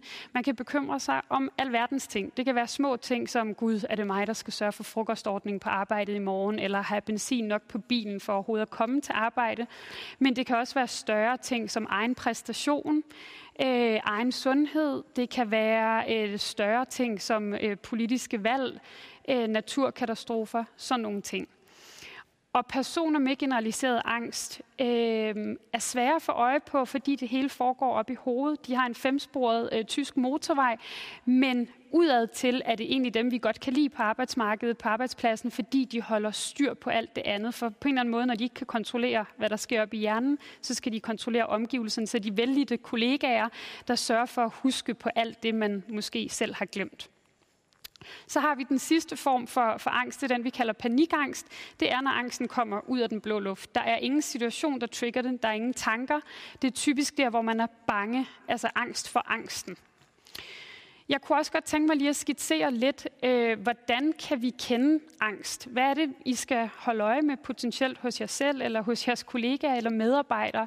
På tværs af de her angstlidelser kan vi se de samme fysiske symptomer. Vi kan se hjertebanken, vi kan se svedige håndflader, vi kan se motorisk uro, ondt i maven, ondt i hovedet, muskelsmerter, fordi man går og spænder op hele tiden.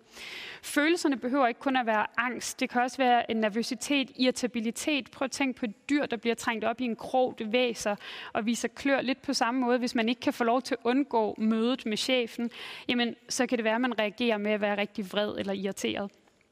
Øhm, tankerne er jo bekymringstanker, katastrofetanker, sådan nogle åh oh, nej. Men der er også et massivt, evigt trusselsfokus. Det vil sige, hvordan, hvordan nu hvis jeg kunne se jer, vil jeg sige, kan vide, hvordan I kigger på mig i forhold til, om I evaluerer mig negativt eller positivt. Og igen, her kommer de sociale medier ind i billedet. Likes har vi jo hørt om før. Hvad så, hvis jeg ikke får de likes, jeg gerne vil have? Hvad så, hvis ingen kommenterer på mit post? Massivt evindeligt trusselsfokus. Og så har vi adfærden. Den primære adfærd ved angst det er undgåelse. Man har lyst til at flygte væk fra det, man er bange for. Øh, men også det, jeg nævnte før med, med overdreven kontrol. Og så er der så kommet corona ind også i, i det sidste års tid, hvor man har fået lov til at undgå rigtig meget. Og der øh, vil jeg bare knytte den kommentar, at undgåelse i, i form af, at man ikke behøver at tage på arbejde, man for eksempel ikke har behøvet at være social aktiv, og man på grund af restriktionerne har kunne holde sig hjemme fra diverse sociale aktiviteter, faktisk har kunne være medvirkende til at vedligeholde en, en angst hos nogen.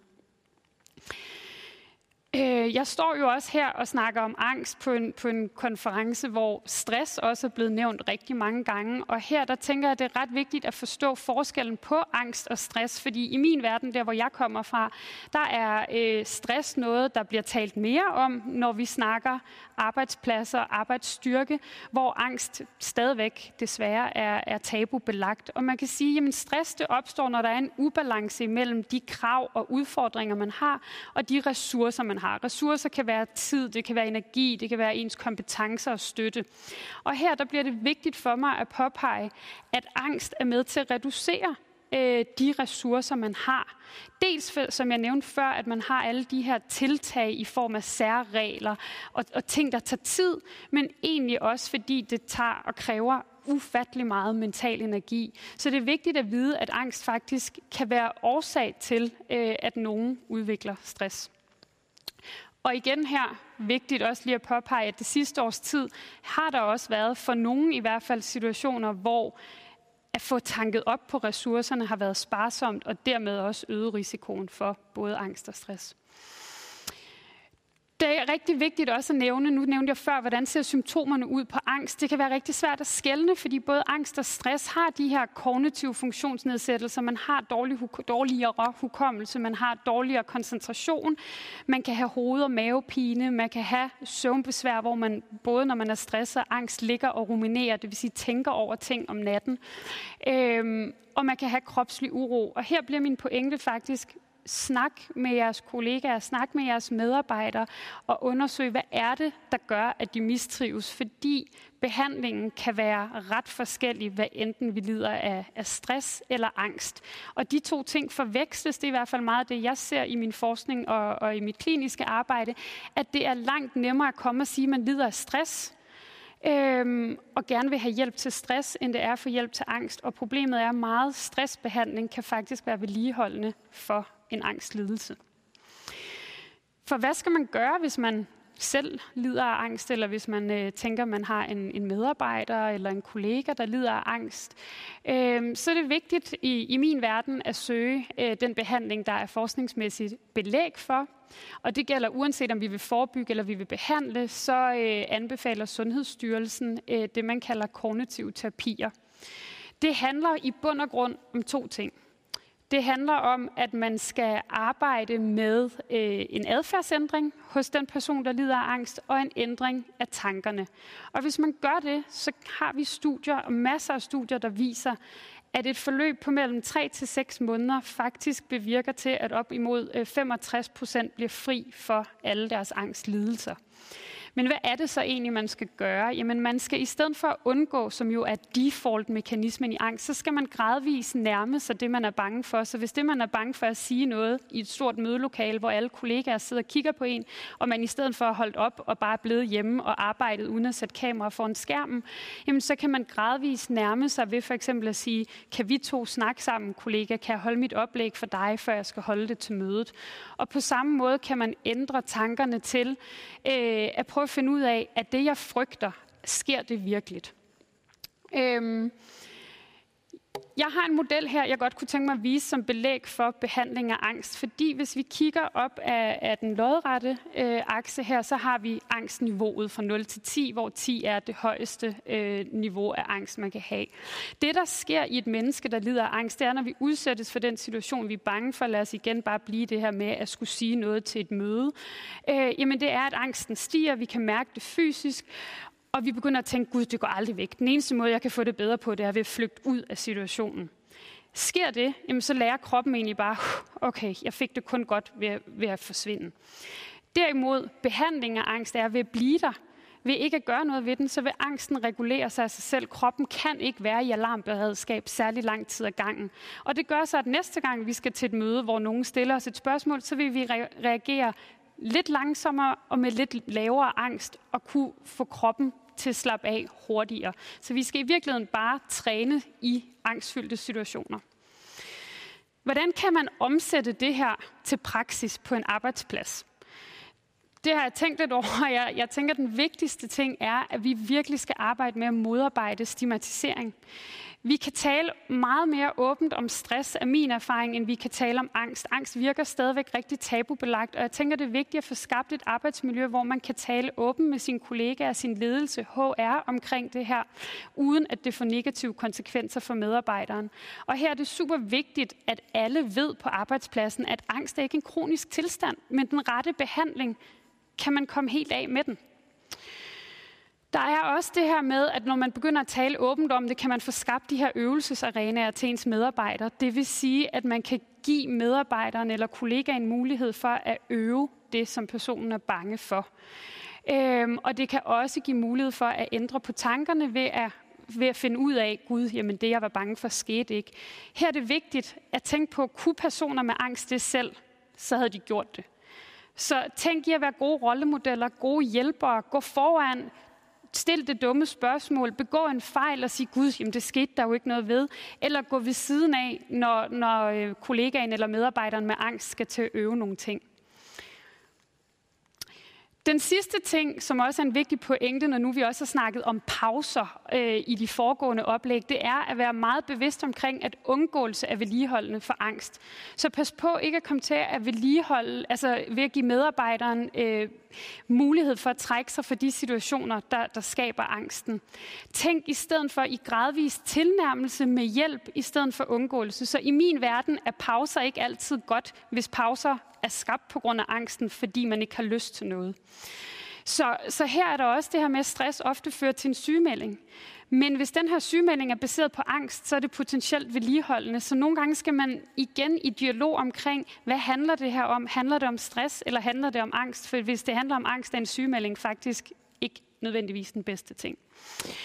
Og så skal I huske på, at selv når sygemeldingen er baseret på stress, så skal I også have en viden omkring, at stress og sygemelding potentielt medfører bekymringer og angste tanker, som bliver jeg nu fyret, fordi jeg ikke er god nok? Får jeg mine egne opgaver tilbage, når jeg kommer tilbage på arbejdet, efter man ikke ved, hvor lang tid man er sygemeldt? Og her kommer corona en gang til ind i billedet, fordi det har givet os nogle muligheder for at undgå men klædt ud som i smittestop. Så åh, jeg har lidt kriller i halsen, jeg skal helst ikke smitte mine kollegaer, jeg bliver hjemme bag øh, skærmen, potentielt uden tændt kamera. Det handler overhovedet ikke om corona. Det handler om, jeg har ondt i maven ved at skulle sidde til det møde med nogle fremmede mennesker. Det skal man også holde sig for øje. Hvornår bliver corona brugt som undgåelse? Og sidste ting handler om brug gode psykologordninger. Altså psykologordninger, der henviser til specialistbehandling, med, hos specialister, der har dokumenteret erfaring med angst og kognitiv terapi, så får I hurtigere jeres medarbejdere og jeres kollegaer tilbage på sporet.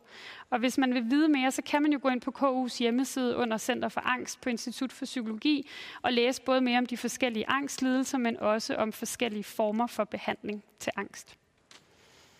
Tak. Tak, Sonja. Spændende. Meget at spørge til. Du er jo så heldigvis også med i panelet, så der kan vi få uddybet måske ja. lidt mere. Jeg minder lige om, at uh, I skal i hvert fald, de er der ser med, ikke have angst for at skrive på chatten. Uh, Liv sidder klar, og hvis der er nogen, der har spørgsmål til Sonja her eller senere i paneldebatten, må I endelig byde ind. Sonja, jeg kunne godt tænke mig øh, at lige øh, spørge til noget, du sagde indledningsvis. Du siger, vi skal som samfund og arbejdspladserne skal blive langt bedre til at opdage de unge voksne, der lider af angst. Ja. Og det er jo en god formålserklæring. Øh, og du har selvfølgelig problematiseret og peget på nogle af de udfordringer, der er. Men hvordan skal vi som samfund, hvordan skal arbejdspladserne blive langt bedre, når det er tabuiseret? Ja. Jamen for eksempel ved sådan et oplæg her, hvor flere måske kan få øjnene op for, hvad er det for nogle symptomer, man skal holde øje med. Også ikke at have berøringsangst i forhold til at vide, jamen et, det smitter ikke. Øh, to, det er noget, din kollega eller din medarbejder kan komme sig over inden for et par måneder. Men jeg tror faktisk allermest på, på vidensdeling og oplysning. Ja, du sagde selv, at, øh, at det faktisk er en af de øh, psykiske øh, ja, lidelser eller udfordringer, som er nemmest at behandle. Ja. Øh, men du pegede også på, at, øh, at stress og angst, øh, hvad kan man sige, er i et fætter kusineforhold. Og i dag er det jo ikke længere så problematisk øh, på arbejdspladser i hvert fald. Det jeg selv kender til, at nogen kommer og siger, jeg er stressmeldt, og, og det forstår alle. Men angst, det lyder af et eller andet, som er sværere, større, potentielt suicidalt, og man tænker angst, så er man et problem, og er man et problem, så er man måske overflødig. Ja. Øh, så hvordan skal man få den, øh, den, som er angstramt, til at være så rationel, at han eller hun kan tale om det? Det, det, det er det, jeg øh, er lidt uforstående ja. for. Jeg tror egentlig måske noget af svaret allerede er, er tilbage til din indledende replik omkring det her med, jamen men stress kan vi efterhånden snakke om. Vi står også her og snakker om en generation, der altid er på. Der er flere, der har nævnt præstations, både pres og præstationsangst. På en eller anden måde er stress også blevet synonym med, at jeg arbejder mere. Det vil mm. sige, der er også noget positivt i det. Øhm, så jeg får lyst til at sige, at hvis vi både kan aftabuisere den del, eller, eller hvad kan man sige, snakke om, at det jo ikke nødvendigvis altid godt at være på, altid godt at præstere. Det synes jeg både Naja og Søren har sagt øh, rigtig meget om i dag. Pauser er vigtige, så kan det være, at der også kan blive givet plads til, at man kan lide af andre ting end stress, og også de mere negative ting. Fordi på den måde, får jeg lyst til at sige, er angst jo ikke meget anderledes. Der er bare ikke ja. så meget præstation forbundet med det. Men, og nu kan jeg se, Liv markerer med et spørgsmål, men jeg skal bare lige øh, holde fast et øjeblik. Kan du se, altså nu sidder du også som, som centerleder på Center for Angst, kan du se, at der trods alt er sket en udvikling til det bedre, underforstået, at, at vi bliver som samfund bedre til at tale om det i løbet af, hvad ved jeg, et ja. 5-10-årigt forløb? Jeg synes, og, og mit svar bliver måske mere på, på børne-unge-området. Der er sket en, en markant skift i, at flere er blevet opmærksom på det, men der er også kommet rigtig meget vidensdeling og informationsdeling blandt lærere og forældre, og jeg tænker, den kan vi jo tage videre op i de unge voksne og voksne, at informationsdele til øh, arbejdspladser og i virkeligheden også familier. Ja og faktisk blev årets øh, Kavlingpris, som jo er den fineste journalistiske pris, givet til en artikelserie i Politiken, der handlede om netop ungst, øh, unge og, og angst, eller børn, unge og angst. Præcis. Liv? Jamen, Signe, hun øh, spørger med hensyn til den rette behandling og metoder til at træne angstfulde situationer. Jeg har en datter på 15 år, som har døjet med angst og OCD, og blev overrasket over, hvor svært det er at få hjælp. Vi har brugt 20.000 kroner på forløb hos Center for Angst, skriver hun. Det var meget effektivt, men hvor får medarbejdere hjælp?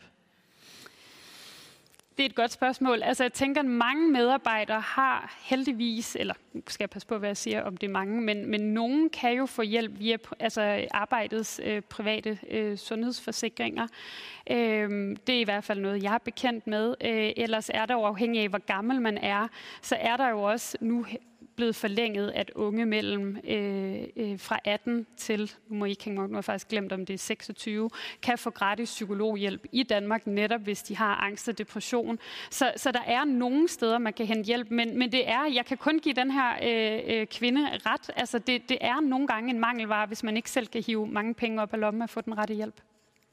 Liv, er der andet fra chattens overdrev? Der er ikke mere lige nu. Nej, okay. Sonja, du får lov til at, øh, at, at hvile stemmen i øh, 20 minutters tid, fordi øh, nu skal vi have øh, sidste, dagens sidste forskeroplæg. Øh, vi bliver i det spor, der har med arbejdsstyrke, den unge presset arbejdsstyrke, og øh, i den her sammenhæng nogle løsninger. Vi skal høre professor Vibeke Kovshede tale under overskriften, hvad er... Øh, nej, hun skal tale under overskriften Ung presset arbejdsstyrke, sådan gør du som arbejdsgiver. Og det, jeg var lige ved at fortælle mig ved, det er, at vi også her skal have en vokspop, hvor spørgsmålet er, hvad er mental sundhed for dig?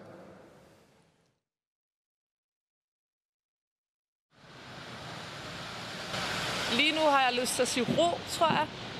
Øhm, fordi det er noget, jeg i hvert fald virkelig har prøvet at finde ud af, hvordan jeg finder. Fordi jeg er sådan en, der øh, er rigtig meget på altid, hele tiden, og godt kan lide at være det.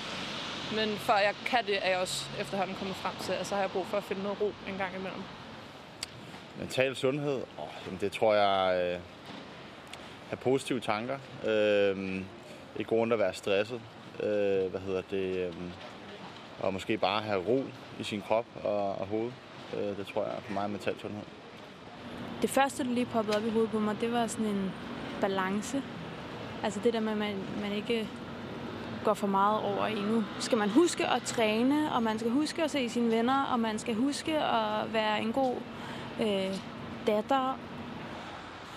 Det synes jeg faktisk er et rigtig svært spørgsmål. Øh, det er enormt individuelt, men altså øh, overskud øh, og, og ro øh, til at, at, at forholde sig til det, der er lige foran, øh, foran en. Det er nok at have styr på øh, sådan balancen mellem mit arbejdsliv og, og mit privatliv, og sådan at være sikker på, at jeg får holdt nok fri, og, og ligesom få nyt livet en lille smule en gang imellem, i forhold til, at jeg arbejder ret meget, så det for mig handler det om at være sikker på, at jeg også når at holde fri.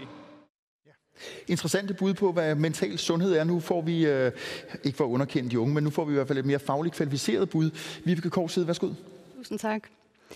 Hen over de seneste 20 år, der har vi set en negativ udvikling i befolkningens mentale sundhed. Vi har set en kraftig stigning i symptomer på stress, angst, depression og ensomhed. Og særligt slemt står det desværre til blandt vores børn og unge.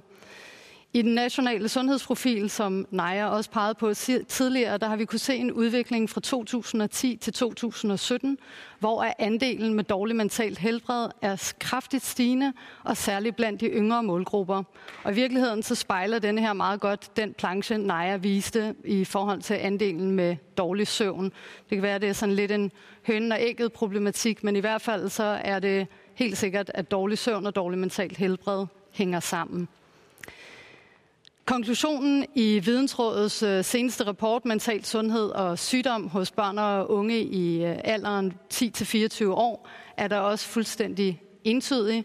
Øh, det er, at der er langt flere børn og unge, som bliver diagnostiseret med psykisk sygdom, og andelen er steget meget markant inden for de seneste 20-30 år. Og samtidig ser vi generelt en stigende forekomst af mentale helbredsproblemer og færre unge, som oplever at have høj livstilfredshed. Hvorfor vi ser denne her udvikling, er der næppe et entydigt svar på, men som vi også har hørt tidligere, så har vi med en børn- og unge generation at gøre, som er vokset op i et globaliseret konkurrencesamfund. Der har været et ekstremt fokus på individuel præstation. Vi står over for nogle generationer, som er blevet målt og varet fra en tidlig alder. Og det kombineret med den teknologiske udvikling, med de muligheder, men også med de mulige begrænsninger, det har medført, der ligger nok en stor del af årsagsforklaringen. Det er et stort problem, at vi ser så mange børn og unge, der mistrives, fordi vi ved, at mental sundhed det har betydning for vores helbred på kort og på lang sigt. Det har betydning for vores indlæringsevner og dermed for vores muligheder for at varetage en uddannelse, og også betydning for vores muligheder og evner til at arbejde godt og produktivt sammen med andre. Udover hvad dårlig mental sundhed har af betydning for den enkeltes livskvalitet, så er det også et kæmpe samfundsmæssigt problem. OECD vurderer, at dårlig mental sundhed det koster det danske samfund ca. 110 milliarder kroner om året. Det gør det både i udgifter til sundhedsvæsenet, til sociale ydelser, men det gør det i høj grad også i form af tabt arbejdsmarkedsfortjenester. Et bæredygtigt samfund kræver en mentalt sund og rask befolkning, og som det ser ud lige nu, så anslår Verdenssundhedsorganisationen og OECD, at omkring 25-50 procent vil opleve at få en eller anden form for psykisk lidelse i løbet af deres liv. Det er altså mellem hver anden og hver fjerde. Og det kan vi selv sagt ikke bare behandle os ud af på individniveau. Og derfor har man også i årvis råbt op fra blandt andet Verdenssundhedsorganisationen, EU-kommissionen, OECD, internationale og nationale eksperter i forhold til, at hvis vi skal gøre os håb om at vende den her udvikling, så er vi nødt til at begynde at kigge mere helhedsorienteret på mental sundhed. Vi er nødt til at begynde at kigge på noget af det, der styrker øh, os, og så vi trives i højere grad. Hvis nu I forestiller jer livet som en flod, hvor at vi ligger og bevæger os op og ned af den her flod livet igennem, alt afhængig af, hvad vi bliver mødt med af udfordringer og belastninger, alt afhængig af, hvilke øh, ressourcer vi har til rådighed, så vil det afgøre, hvor vi er i denne her flod på et givet tidspunkt. Det går op og ned her i livet, det gør det for os alle sammen. Man kan sige, uanset hvor godt det går, eller hvor skidt det går, så kommer det ikke til at vare ved, og det kan jo være en god eller en dårlig nyhed, alt afhængig af, hvor man befinder sig på det givende tidspunkt. Og selvfølgelig er vores livsomstændigheder meget varierende. Men nede i den ene ende af denne her flod, der er vandet krystalklart. Det er helt lavt. Vi har masser af energi og overskud. Vi behøver overhovedet ikke at koncentrere os om at holde hovedet over vand. Og det er typisk her, hvad man vil sige, at vi har meget høj mental sundhed, eller vi er det, der kaldes blomstrende fra det engelske begreb flourishing. Når vi er i denne her ende af floden, så er vi mere tilbøjelige til at være altruistiske, innovative, produktive, kreative osv. Så det er selv sagt nede i denne her ende af floden, at vi som samfund har en interesse i at sikre, at flest muligt af hele befolkningen, men jo særligt også vores unge, børn og unge, der er fremtiden, befinder sig på et givet tidspunkt og mest muligt af tiden. Langt de fleste af os, vi befinder os længere nede af floden, hvor at vandet gradvist bliver dybere og dybere. Vi har stadigvæk hovedet over vand, bevares. Vandet er måske en lille smule grumset.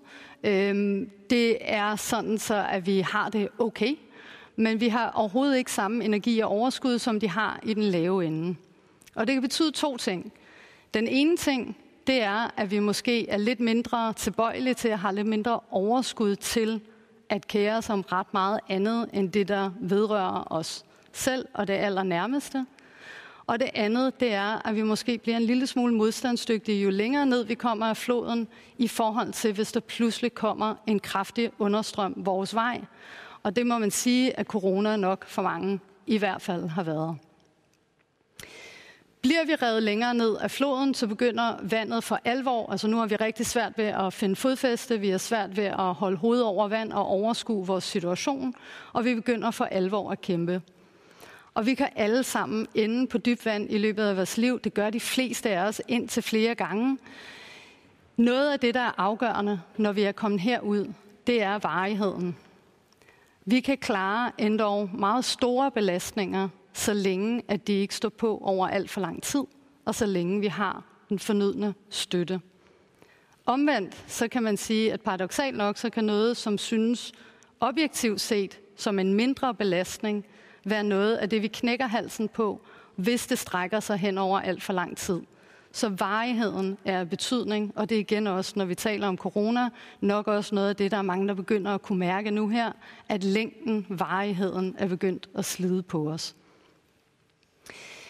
Hvis ikke noget eller nogen kommer os til undsætning inden for en relativ rimelig periode, når vi er herude, eller hvis ikke vi selv formår at svømme op i en lave ende af floden igen, så er vi i markant øget risiko for at ryge ud over kanten. Og det er her, vi ser mange af de hyppigst forekommende psykiske lidelser, blandt andet også i form af depressive symptomer. Og indtil videre har fokus været meget, når vi har talt om mental sundhed, både videnskabeligt og politisk. Det har været meget på at behandle den enkelte, når man er røget ud over kanten, eller på at forsøge at forebygge risikofaktorer for, at vi når endnu længere ud, når først vi er kommet på dybt vand.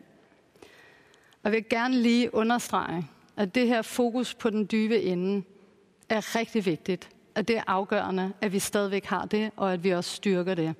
Selvfølgelig skal vi sikre rettidig og ordentlig behandling til dem, der har brug for det. Og selvfølgelig skal vi sikre, at man ikke kommer endnu længere ud, når man først er nået ud på dybt vand. Ingen tvivl om det. Men som denne her illustration måske også viser, og hvis ikke den gør det, så gør vores data i hvert fald, så er det her muligvis en egnet strategi i forhold til at reducere individuel lidelse. Det er ikke en egnet strategi i forhold til at bremse andelen, der havner nede i den dybe ende til at begynde med. Og det er slet ikke en egnet strategi, hvis formålet er, at vi gerne vil have flere unge mennesker, der blomstrer. Så derfor så skal vi kigge mere helhedsorienteret på mental sundhed, og vi skal udvide det her perspektiv med et fokus på mental sundhedsfremme, hvor vi også har fokus på noget af alt det, der beskytter og styrker os som mennesker. Hvor vi har fokus på nogle af de beskyttende ressourcer. De faktorer og de ressourcer, der kan være med til at beskytte vores mentale sundhed, de findes på flere niveauer. Lidt forenklet sagt kan man sige, at de findes på individniveau, på gruppeniveau, på samfundsniveau. Jeg kunne også have lagt et organisatorisk niveau ind. Og hvis vi skulle overføre det til en arbejdspladskontekst, så kan man sige igen, at der noget, der ligger på individniveau, gruppeniveau, ledelsesniveau og organisatorisk niveau. Og de her arbejdspladser er igen indlejret i nogle samfund.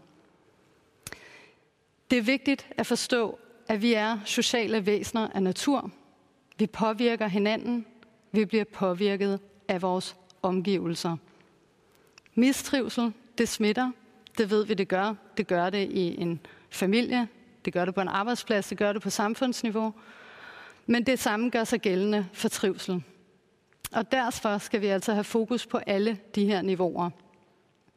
Jeg mener, at det var Pernille Knudsen, der engang sagde, øh, den øh, viceadministrerende direktør i Dansk Arbejdsgiverforening, at arbejdspladsen er ikke nødvendigvis altid en del af problemet, men den er altid en del af løsningen. Vi bruger uforbeholden meget af vores tid på arbejdspladsen, og derfor skal arbejdspladserne være med til at sikre mentalt sundhedsfremmende rammer for deres medarbejdere. Det betaler sig også på deres bundlinjer. Så på alle de her niveauer, så er det vigtigt, at man ved, hvad man skal gøre, at man forstår, hvorfor, at man ved, hvordan man kan gøre det, og så skal man være i stand til at gøre det. Og det lyder jo let. Så hvad kan vi så gøre? Jamen nu har vi talt flere gange om oplysning og adfærd her i dag. Og øh, mental sundhed er for mange et meget bredt og lidt diffus begreb. Det kan være ekstremt svært at arbejde med mental sundhed på arbejdspladsen, for hvordan gør man det?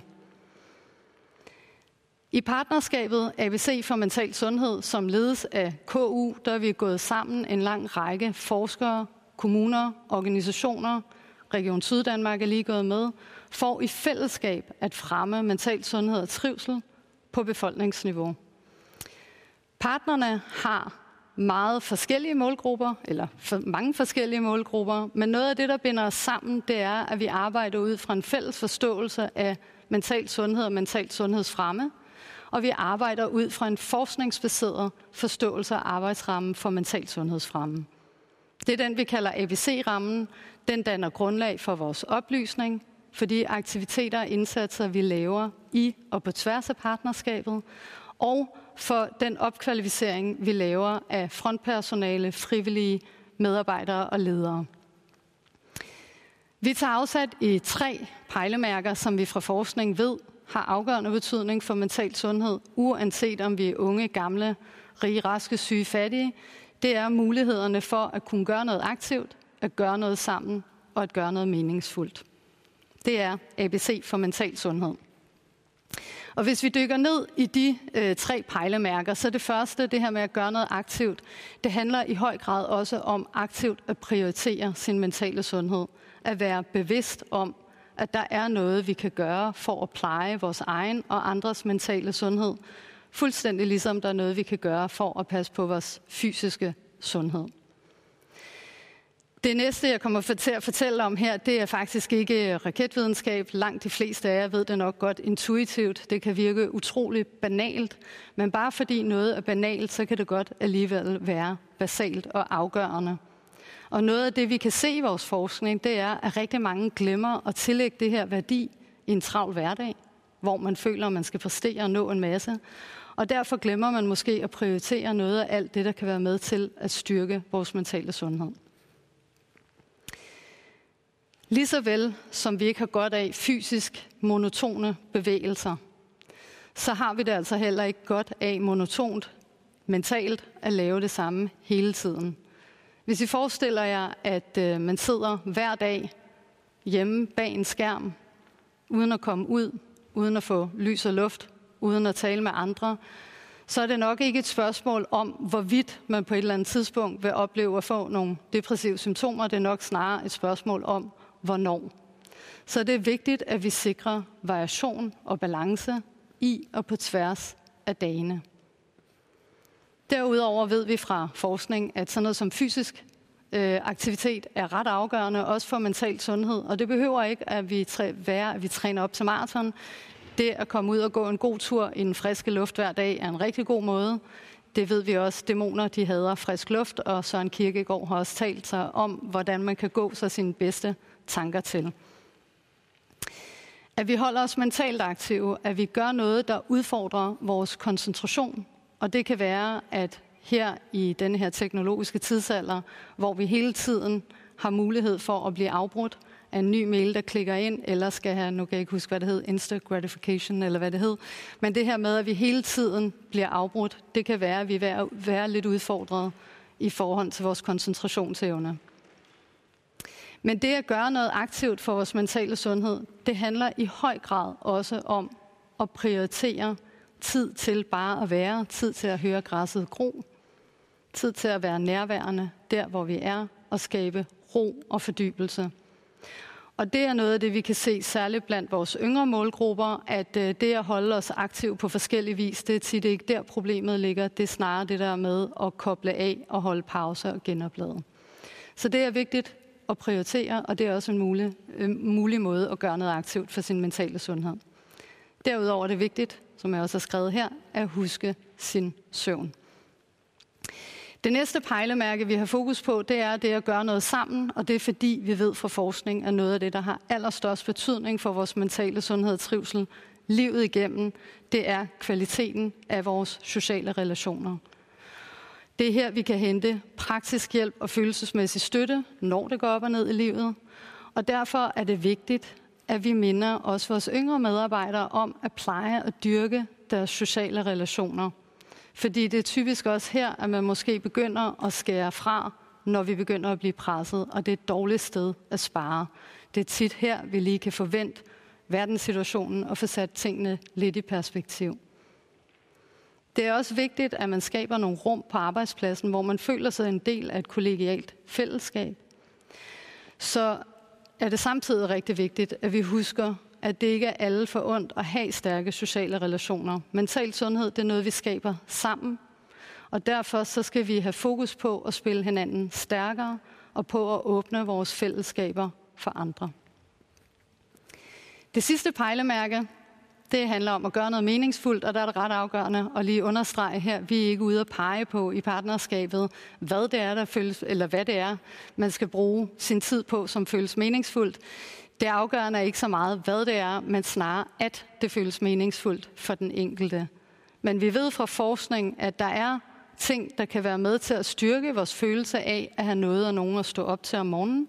Og det er for eksempel ved at kunne lære nye ting, ved at kunne bruge vores styrker og kompetencer, ved at kunne sætte sig selv små eller store mål, ved at kunne engagere os i projekter, gerne sammen med andre omkring noget, vi brænder for. Det at gøre noget godt for andre, Det kan også være en rigtig god måde at styrke følelsen af meningsfuldhed, fordi øh, når vi gør noget godt for andre, så er det så dejligt, og så gør vi samtidig noget godt for os selv. Så det at være en god kollega eller mentor for nogle andre, er også en god måde at styrke den her følelse. Men det handler i høj grad om at tænke over og reflektere, hvor er det, man henter energi og overskud, og hvad er det, der føles meningsfuldt. Så gør noget aktivt, gør noget sammen, gør noget meningsfuldt. Det er lidt enkelt fortalt ABC for mental sundhed. Og hvordan kan man så gøre det her på arbejdspladserne? Jamen først og fremmest er det måske også vigtigt at sige, at på arbejdspladserne gælder det jo også, at det, der føles meningsfuldt for en gruppe medarbejdere eller i en kontekst, ikke nødvendigvis føles meningsfuldt for en anden gruppe medarbejdere i en anden kontekst. Så man er nødt til at tage afsæt i de medarbejdere, man står overfor. Man er nødt til at være nysgerrig på deres ønsker, motivationer og behov. Men man kan jo være med til i første omgang at oplyse ens medarbejdere omkring, hvad er det, vi ved fra forskning har betydning for mental sundhed og trivsel. Udover ABC-budskaberne kan det jo så også handle om søvn og opsporing af angst. Vi kan være med til at opkvalificere mellemledere. Mental sundhedsfremme, det er faktisk en kompetence, der kan læres, og det kan godt betale sig for arbejdspladserne at investere i det her, fordi medarbejdere kommer ikke til at klare sig godt på længere sigt, hvis ikke at de også sikrer sig måder at restituere på indimellem. Så man kan kigge på, hvordan kan vi sikre de bedste rammer og betingelser for, at vores medarbejdere kan gøre noget aktivt sammen meningsfuldt, både i og uden for arbejdspladsen, og kigge på det i et helhedsorienteret perspektiv. Og endelig så handler det jo om, at man prioriterer og understøtter det her fra organisatorisk og ledelsesmæssigt hold. Og der kan man jo overveje at begynde i højere grad at måle trivsel op imod ens bundlinje. Tit er det jo sådan, så det vi måler, det får vi mere af. Til allersidst, så vil jeg sige, hvis I tænker tilbage på floden, at når det handler om mental sundhed øh, på arbejdspladsen, så er det vigtigt, at vi både tænker i mental sundhedsfremme, at vi tænker i forebyggelse, at vi tænker i tidlig opsporing, og vi tænker i behandling. Det nytter ikke noget, at vi tænker alt for ensidigt i det, og det nytter ikke noget, at vi tænker kun i arbejdsplads eller kun i privatliv. Her til allersidst, så vil jeg opfordre jer til at tænke lidt over, hvad kunne jeres eget næste bedste skridt være, måske både personligt og professionelt. Tak for opmærksomheden. Hmm. Den opfordring er der ikke til at sidde overhøre. Tusind tak, Vibeke. Jeg kan se øh, på Livs signaler, at der er allerede kommet et par spørgsmål på chatten, men inden vi lige tager dem ind, så vil jeg lige spørge dig. Øh, du, du sagde meget svært interessant. Kan du ikke lige holde lidt fast i den der ABC-ramme eller ABC-model? Altså en arbejdsplads, øh, og nu ved jeg jo, at nogle af dem, der har til øh, meldt sig til øh, konferencen her, de er både repræsentanter for små og mellemstore øh, virksomheder. Øh, hvad kan, altså, og nu sætter vi ikke navn på, hvilken virksomhed det kunne være, men, men hvad kan sådan en, havde jeg sagt, almindelig virksomhed gøre i forhold til den her ABC-ramme? Du var inde på det, men hvis du skulle være en tand mere konkret. Jeg tror, noget af det første, det handler om at oplyse medarbejderne omkring, at hvis man skal have et bæredygtigt arbejdsliv, så er det rigtig vigtigt, at vi også er med til at, at prioritere mental sundhed. Og der kan man jo så tage afsæt i det her som en eller anden spørgeramme i forhold til, man kan jo spørge ind til, hvad er det for nogle aktiviteter, man kan stille muligheder op for, at øh, ens medarbejdere, som jeg hørte en arbejdsplads tidligere gjorde, gør det legitimt, for eksempel at gå en tur eller løbe en tur. Gør det okay, at man ikke er på hele tiden. Siger, at det er faktisk vigtigt, at man også prioriterer nogle af de Øh, aktiviteter og fællesskaber, der giver en energi. Men man er nødt til som arbejdsgiver at være nysgerrig på de medarbejdere, man sidder overfor, fordi det, der føles meningsfuldt for dig, og det, der føles meningsfuldt for mig, er ikke nødvendigvis det samme, og vores livsomstændigheder og livssituationer kan være at variere enormt meget. Men det, at man taler om mental sundhed som, som noget, der faktisk er rigtig vigtigt for, for en virksomhed, det tror jeg er vigtigt. Og det siger du også, at det er der, øh, hvad skal vi sige, nogle, øh, nogle gevinster ved, og du pegede jo også på, at der er en årlig samfundsudskrivning på 110 milliarder øh, til at på en måde rydde op i dårlig øh, mental trivsel. Så, så der, der er virkelig noget at vinde, både som samfund og som øh, konkret virksomhed. Men det lyder også, og her må du korrigere mig, det lyder som om, at lad os bare sige en mellemstor virksomhed med 30-50 ansatte, at øh, hvis man også skal tage det hensyn og implementere ABC-modellen, så får man lige pludselig, altså jeg vil lige sige, så får man stress ind i butikken, fordi så skal der laves meget for ligesom at give sig til det. Ikke nødvendigvis, fordi meget af det her, det kan jo godt være at koncentrere sig rundt om kerneopgaven.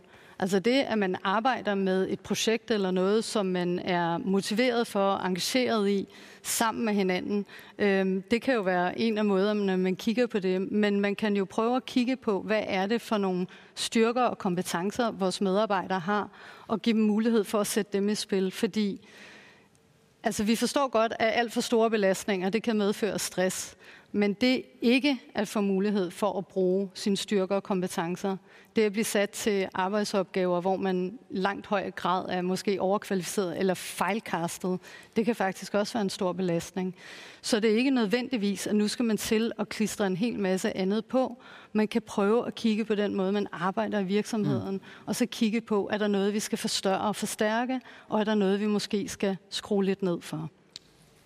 Liv, du har modtaget et par spørgsmål. Ja, det ene spørgsmål, det har du faktisk allerede stillet nok så fint, Adam, men det andet, det er fra Eva, der spørger, om der ikke er individuelle forskelle, altså i forhold til hjernens og kroppens prægninger påvirket af tidligere stressende oplevelser i livet.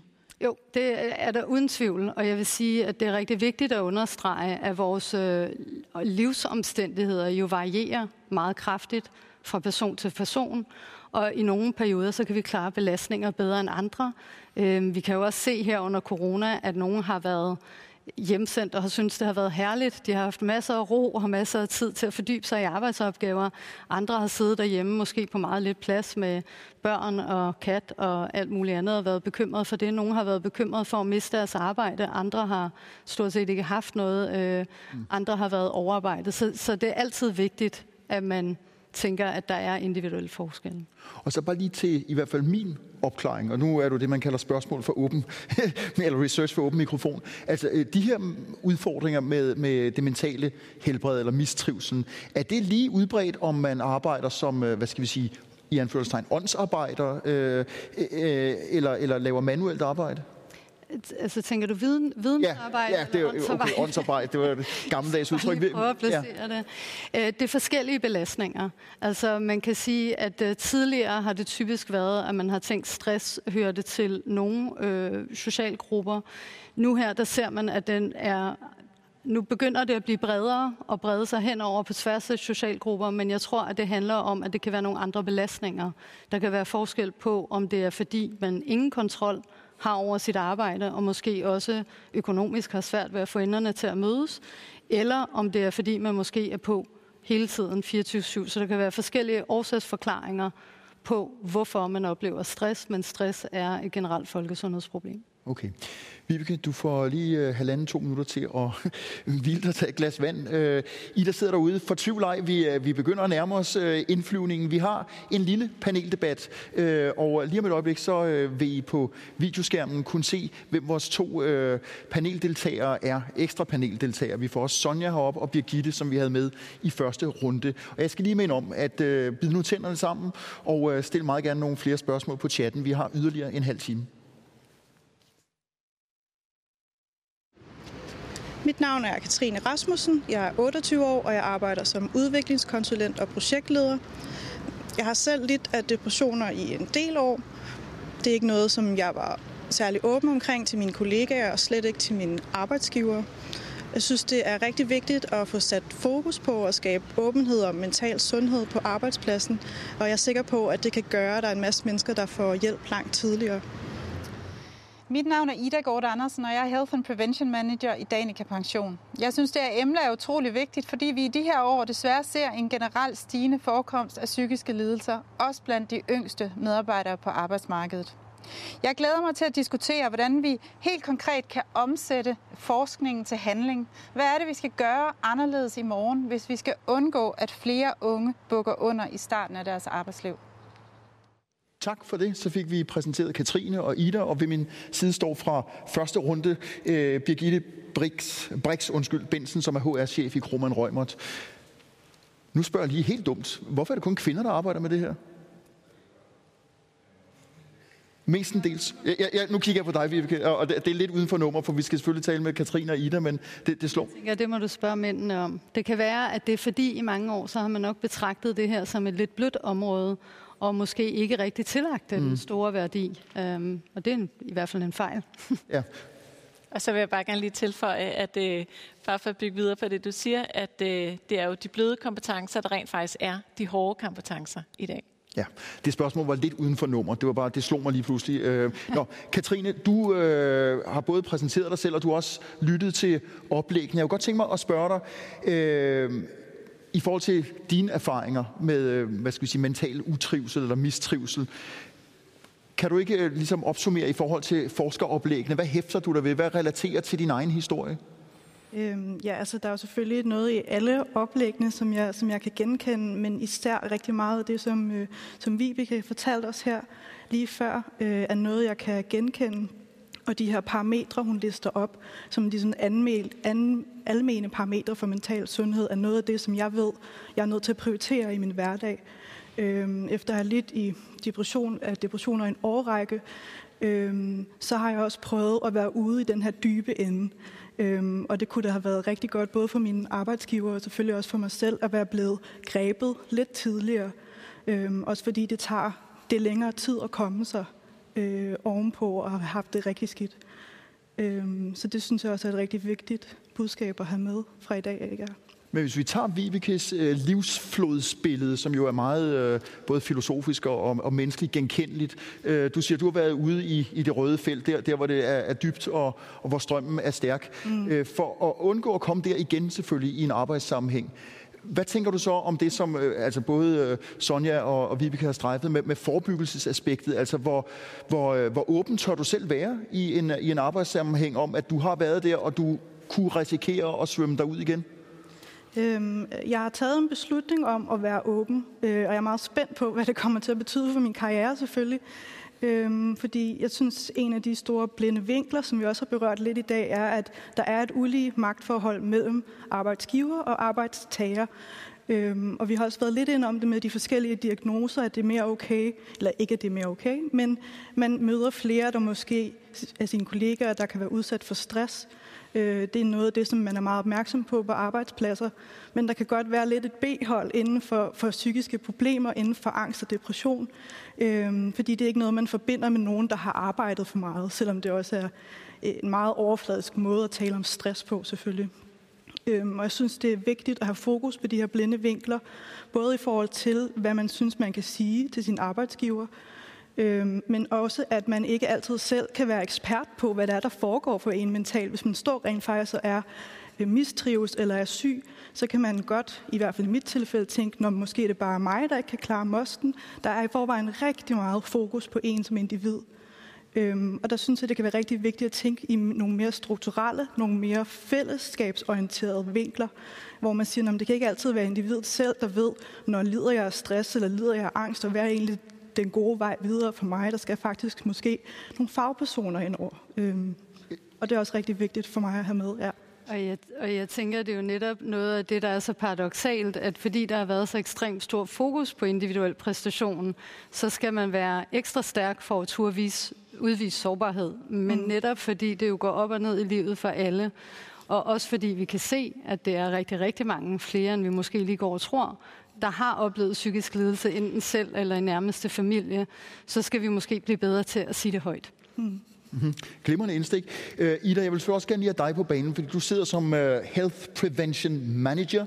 Uh, sådan hedder det vist i Danica Pension. I arbejder med mange forskellige virksomheder. Ja. Uh, sådan over en kamp. Hvor godt rustet oplever du, at virksomhederne er? Nu generaliserer jeg lidt hårdt her, i forhold til noget af det, som Katrine peger på, altså i virkeligheden en usikkerhed, om, om, man, øh, om man bliver stigmatiseret, hvis man begynder at tale om mental utrivsel, eller angst, eller depression. Øh, altså, hvad er der ude i den virkelige verden øh, af forebyggelsesmekanismer og opmærksomhed? Altså, ja, det er jo selvfølgelig meget forskelligt. Nogle virksomheder er meget, meget langt på den her rejse, og, og har allerede sat beredskabet op, kan man sige, for at håndtere den her slags øh, situationer, og, øh, og har ligesom processerne for, hvad skal de sætte ind, når, når en medarbejder befinder sig i den her situation. Men så er der også en masse virksomheder, som måske ikke er så langt på den rejse. Og det er jo noget af det, vi prøver på at, at hjælpe øh, virksomhederne med øh, rundt omkring på, på det danske, eller i, i Danmark. Og, øh, og noget af det, som jeg især hører fra, fra virksomheden, det er jo det her med, at, øh, at, at at de unge jo ofte stiller utroligt højt, øh, høje krav til sig selv, som du også siger, Vibeke, og, og, at, øh, og at, at de ligesom tror, at de skal løse opgaverne faktisk helt uden hjælp fra, fra andre. Og sådan er det jo ikke. Altså på en arbejdsplads, der det, handler det jo ikke om, at man skal løse det hele selv. Det handler jo om at være en del af et team. Det handler jo om at vide, hvor man finder mm. hjælp til at løse øh, opgaverne. Så det er i hvert fald en af de udfordringer, jeg meget oplever øh, at høre fra, fra virksomhederne. Og du siger, de er ikke så langt, men oplever du også, som øh, Sonja var inde på, at, at altså stress, det, det, det ved vi alle sammen nu, hvad er. Det kan man næsten sætte på medaljerækken, men angst, øh, som jo så er i forskellige kategorier, så vi, det, det taler man ikke rigtig gerne om. Det har man ikke et beredskab overfor. Det, det er fuldstændig korrekt. Det der, jeg oplever helt klart, at det, øh, det er mere legitimt måske at tale om stress, end det er at tale om angst, og der er lidt en større øh, berøringsangst i forhold til, mm. til angst. Sonja, du markerede. Det er fordi, øh, jeg byder bare virkelig mærke i, at vi snakker om beredskab. For mig bliver det lige så vigtigt som forsker i forebyggelse af angst at snakke om, vi, vi eller I, øh, vil jeg ønske også havde en strategi for, hvordan kan vi overhovedet undgå, at vores medarbejdere, hvad enten det er for angst eller depression eller generelt, altså mistrives mentalt, sådan så vi ikke altid skal behandle og brændslukke, men vi faktisk i højere grad forebygger. Ja, der må selvfølgelig både Ida og Birgitte gerne komme ind. Øh, Ida først. Ja, og det er jo klart, det er jo den anden del af, kan man sige, af vores leverance til kunderne. Vi har jo selvfølgelig en del, der handler om at gribe dem, når de, når de, når de falder ned og, og skal have hjælp. Og så har vi selvfølgelig også den anden del, som handler om nemlig at klæde lederne på og sætte ting i værk ude i virksomheden. Fuldstændig som du snakker om, Vibeke. Hvordan kan vi blive bedre til at se tingene ske? Hvordan kan vi hurtigere gribe ind, når en medarbejder er på vej ud af et spor, hvor, hvor det ikke er rart at være? Mm-hmm. Så, så det er jo klart, det er den anden del af det. Og der er jo rigtig mange aktiviteter, man kan sætte i gang. Kromat Rømer er jo et fantastisk eksempel på en virksomhed, der virkelig tager ansvar på det her område. Øh, for der er mange ting, man kan sætte i gang. Det kan være mindtraining, det kan være regulær øh, klæde lederne på i forhold til, til stressforebyggelse. Det kunne også være angstforebyggelse, man kunne sætte fokus på. Øh, og der er rigtig mange ting, man kan gøre på en arbejdsplads. Og vil arbejdspladserne, øh, vi kommer til at men, men vil arbejdspladserne gerne? Det er klart mit indtryk, og jeg har oplevet, at over de sidste 10-15 år, der har der helt klart været en udvikling hen imod, at man i højere grad ser det som sit ansvar øh, at okay. øh, tage hånd om det her. Så der er bevægelse der. Birgitte, øh, det vi taler om her også, øh, Katrines oplevelse af, at det altså ikke bare sådan lige at sige, hej, jeg har haft en depression. Altså, hvordan er det i Krummern Rømert regi?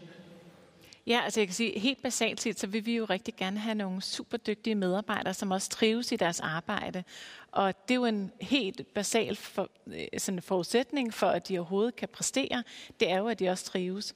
Så noget af det, vi gør øh, ret intensivt, det er at klæde vores ledere på til at være dygtige ledere, så de får de redskaber, de skal have for at kunne øh, lægge mærke til de adfærdsændringer, der kommer. Senere senest har vi lige kørt et lederudviklingsprogram med fuld fokus på kun emotionel intelligens, sådan så de forstår både sig selv, og det gør, at de så også har bedre mulighed for at forstå andre persontyper, som gør, at de på den måde I bliver bedre i stand til rent faktisk at, at lægge mærke til de her adfærdsændringer, som jo kommer, hvis man bliver lupet ind i den type sygdomsforløb. Det jeg synes, det lyder brandgodt, og jeg vil nødt være fræk, men det lyder også lidt som, altså et, et, øh, som om I leger med Lego-klodser. Det er bare lige at sætte klodserne på, og så, så fungerer det. Altså, øh, når vi taler øh, arbejdskultur, når vi taler adfærd, når vi taler øh, mentale vaner, så er det ikke sådan helt nemt at, hvad skal vi sige, adressere det her. Nej, og det er jo et individuelt anlæggende. Altså det, det pres, det, det ja. som man kan tåle, det er jo meget, meget forskelligt. Øhm, og der er det jo super vigtigt, at vi både klæder vores medarbejdere på til at få nogle værktøjer til at kunne tale med lederne og til at kunne give den feedback, det kræver. Og det samme også for lederne den anden vej rundt, sådan så at man får det her fælles sprog til at tale med hinanden og til at have en åben og tillidsfuld dialog, der gør, at man kan sige, chef, det er bare for meget lige nu. Eller at chefen kan sige, jeg synes, jeg har lagt mærke til, at du hænger lidt øh, med næbet, eller hvad det nu kan være. Skal vi lige snakke om det? Øhm, fordi så får man jo taget de her ting i opløbet, for vi vil jo så nødigt have, at vores medarbejdere bruger den der stress-hotline, eller ringer til stresscoachen, eller hvad det skal mm. være. Vi vil jo langt hellere have, at alle trives helt fra start af. Øh, jeg har set, du vil til vi vil lige et øjeblik. Jeg skal bare lige spørge Katrine. Har du oplevet i et ansættelsesforløb, øh, hvad, hvad kan man sige, eller en medarbejdersamtale, at du ligesom har, har fået den her åbenhed, som øh, Birgitte lægger op til i hendes firma. Der kan man gøre sådan og sådan, og der er lederne øh, i stigende grad klædt på til at håndtere øh, nogle af de her udfordringer. Har du oplevet det, eller er det, øh, er det øh, hvad skal vi sige, lidt mere problematisk? Altså ja og nej. Øhm, nu har jeg selv været meget projektansat øhm, de første mange år, jeg var på arbejdsmarkedet. Det er typisk lidt kortere ansættelser. Der er ikke så tit så mange af de her elementer, øh, man når at have de her samtaler eller de her arbejdspladsvurderinger. Så det er selvfølgelig noget, man kan være opmærksom i på sig selv, hvis man benytter sig af ansatte, som er på arbejdspladsen i kortere tid. Øhm, men der, nu hæftede jeg mig ved en formulering, som var, at det er et individuelt anlæggende, og det har vi snakket om mange gange, at det er forskelligt fra person til person, men jeg synes lidt ud fra det, som Sonja og Vibeke sagde, det er faktisk ikke et individuelt anlæggende, det er faktisk et fælles menneskeligt mm. anlæggende. Øhm, og også det her med at kigge efter tegn, altså hvis, hvis det var mig selv, og jeg fandt ud af på en eller anden måde, at mine ledere kiggede efter de her ting, så skulle det i hvert fald være det, jeg ikke udviste. Fordi man har ikke lyst til at være den, der bliver prikket ud til samtale om, jeg kan se, at det ikke går så godt. Det er jo det, man prøver at undgå. Man prøver at gøre det godt. Øhm, og det kan også godt være, at nogle af dem, der siger, ej, der, Katrine, hun kører bare på med energi, og man kan altid få fat i hende, når hun løser sine ting. Men måske er det faktisk et tegn på mistrivsel, fordi man lægger al sin energi i arbejdet og få kottet nogle af de ting væk, for eksempel sociale relationer, fordi man prøver at kompensere for de ressourcer, man måske mangler. Ja. ja. Vibeke, du øh, markerede for lidt siden. Nej, men jeg vil egentlig også bare sige det samme, at, at mental sundhed, det er noget, vi skaber sammen, og det er et, øh, et ansvar, som arbejdspladserne også har, at skabe gode, sunde rammer, men der ligger der jo også noget i forhold til professionalisering af ledelsen, øhm, og der kan man sige, tit er det jo sådan i mange virksomheder, så forfremmer man øhm, gode specialister eller eksperter eller sådan noget. Det betyder ikke nødvendigvis, at de er gode til eller interesserer sig for de mennesker, de leder. Og det kan man jo i hvert fald starte med at sætte som et krav, at man gør, og så skabe nogle rammer, hvor at det, at man har mental sundhed på dagsordenen, at det er noget, øh, man bliver ved med at tale om, sådan så det bliver legitimt. At, øh, at man ved, at i de perioder, hvor man måske har brug for ekstra hjælp eller støtte, eller har svært ved at præstere, at så skal det ikke være så tabubelagt, at man taler om det, og hele virksomheden går ikke ned, fordi vi arbejder sammen som et hold. Ikke? Mm. Så, der, så der er helt, og det er lettere sagt end gjort, men det første er at være opmærksom på det. Og så er der faktisk adskillige paneler, der vil til, samtidig med, at jeg ved, at, at Liv i hvert fald har et eller to spørgsmål fra chatten. Så vi tager lige Sonja og Ida, og så åbner vi for et par spørgsmål. Faktisk går det lidt i tråd med det, Vibeke sagde, som pangdang eller svar til det, du siger, Katrine, for jeg kan godt forstå det her med, at, at for eksempel hvis man lider af angst, at man så går og i det skal være bange for, at ens leder eller, eller kollega vil prikke til en. Men det er her, jeg netop tænker informationsdeling på tværs af arbejdspladsen, aftabuisering, viden, lidt ligesom Søren faktisk snakkede om tidligere, at man gør det til en fælles aftale om, hvordan taler man med hinanden mm. om hvad. Så behøver man jo ikke gå og skjule det. Øh, så det er jo lidt det, du også sagde, Vibeke, og det er jo det, jeg virkelig fortaler for, når vi skal forebygge enhver form for mental mistrivsel, også ja. angst. Ida? Ja, og det ligger faktisk meget op af det, du sagde der, fordi nemlig jeg sidder og, og står og spekulerer over, om, om, om man ikke kunne lave en mental onboarding. Altså, fordi den der mentale onboarding, den vil jo være med til at legitimere nogle af de ting, der kunne komme øh, længere hen ad vejen. Legitimere, at man tager fat i sine medarbejdere, når man ser et eller andet, der undrer en, ikke? altså som leder for eksempel, at man, at man har en aftale, en gensidig aftale om, jamen det er sådan spillereglerne er på vores arbejdsplads. Ja. Og det tror jeg kan tage noget af brøden af den der følelse af, at at øh, åh nej, hvad sker der nu? Altså i det hele taget, så tror jeg, at talesættelsen er noget af det, vi mangler omkring det her emne. Øh, så det er utrolig væsentligt, at vi får taget hul på det. Øh, for eksempel ved at onboarde meget længere tid, end vi gør i dag. Det skal ikke bare være to uger, det skal ikke være tre uger. Det skal måske være et år øh, for de yngre medarbejdere. Onboarde? Ja, onboarde på, altså at ligesom sige, jamen lad, lad os få folk ombord, lad os sætte spillereglerne for, jamen, hvordan, hvordan er det her hos os? Øhm. Ja, undskyld, det var lige terminologien. Og jeg skal selvfølgelig lige sige, at, at de af der sidder og ser med derude, hvis I havde forventet at få en udgave af debatten på DR2 med hundeslagsmål, så er I gået forkert. Her er det mere sådan skulder-til-skulder-analyse og fælles betragtninger frem mod det, man vel godt kan sige, et, øh, øh, en bedre arbejdspladskultur. Nu åbner vi øh, for, jeg har markeret det et par gange, øh, for liv. Jeg har også noteret dig, Birgitte. Sebastian spørger, hvad mener panelet er de vigtigste samfundsmæssige og politiske ændringer, der skal til for at placere dæmninger i floden med Vibekes metafor? Oh, godt spørgsmål. Eminent spørgsmål. Hvem vil byde ind? Fordi det er rigtigt, det rækker jo... Øh, det, det, det er et samfundsspørgsmål, som er lidt mere krævende. Altså nu kan man sige, hvis der ikke er kommet noget andet godt ud af corona, og det er der måske nok ikke, så det, at mental sundhed overhovedet er kommet på dagsordenen, det tænker jeg, det er i hvert fald vigtigt. At det, at der er en politisk bevågenhed omkring, at mental sundhed, det er altså ikke bare nice to have, det er need to have. Og det er et fælles anlæggende. Og, øh, og, og det er i, i fællesskabet, at styrken skal hentes. Så det her med, at man får det altså også op på politisk hold. Og så vil jeg sige, og det er klart, det vil jeg nok sige, men det er, at man også prioriterer forskningen inden for det her område. Fordi øh, det er virkelig afgørende, at vi finder ud af, hvordan, hvordan gør vi det her bedst i forskellige kontekster. Så, så øh, ja, send flere penge til forskning. Sagde professoren. Og ja, og så et stærkt samarbejde med praksis, ikke? jo, ja. præcis. Sonja, du vil også til? Jeg vil bare have sagt det samme. Spørg, spørg dem, der sidder og forsker i det. Jeg er så glad for det her event, fordi jeg synes faktisk, det er sjældent, forskning bliver brugt i praksis. Mm. Så for ikke at gentage Vibeke, var det det, der var min pointe. Og oplysning, faktisk. Oplysning. Vil jeg sige, befolkningsoplysning. Ja. Liv, er der andet? Så er der et med en indbygget præmis her. Der er jo langt flere kvinder, som mistrives end mænd. Det er jo tankevækkende, og spørgsmålet er, hvad det betyder for, hvad vi skal gøre som samfund og arbejdspladser. Vi skal jo ikke gøre alle kvinder til svage, men hvordan så gå til det? Hmm. Øh, vil du øh, lægge for igen, Vibeke? Du er i hvert fald lige ved at... Ja, men det er fordi, jeg tænker, nu bliver det sådan lidt forskernørdet igen. Altså spørgsmålet er, om øh, jeg er med på, at, at alle de tal, vi kigger på, der ser det ud som om, at kvinder og yngre kvinder særligt er hårdt ramte. Måske ligger der noget i den måde, vi spørger. Måske ligger der noget i den kultur, vi har.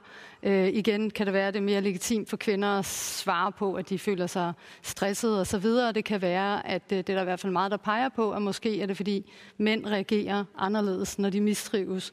Øhm, så jeg tror, vi skal være forsigtige med at sige altid, at det primært er, er kvinder. Jeg tror, der ligger øhm, noget i den måde, vi måler os før på os. Hvilken erfaring har du, Ida? Jamen, jeg, jeg kan i hvert fald se, at en af de uh, ting, vi kan se på, hvis vi kigger ned sådan produkter, altså de produkter, vi har i Danica Pension, som jo hjælper folk, når de, når, når de er i den situation, de har brug for hjælp, så kan vi i hvert fald se, at vi, vi har for nylig lanceret noget, noget mere online hjælp. Og der kan vi i hvert fald se, at det appellerer til synligheden mere til mændene, end, end de face-to-face psykologsamtaler gør. Ja.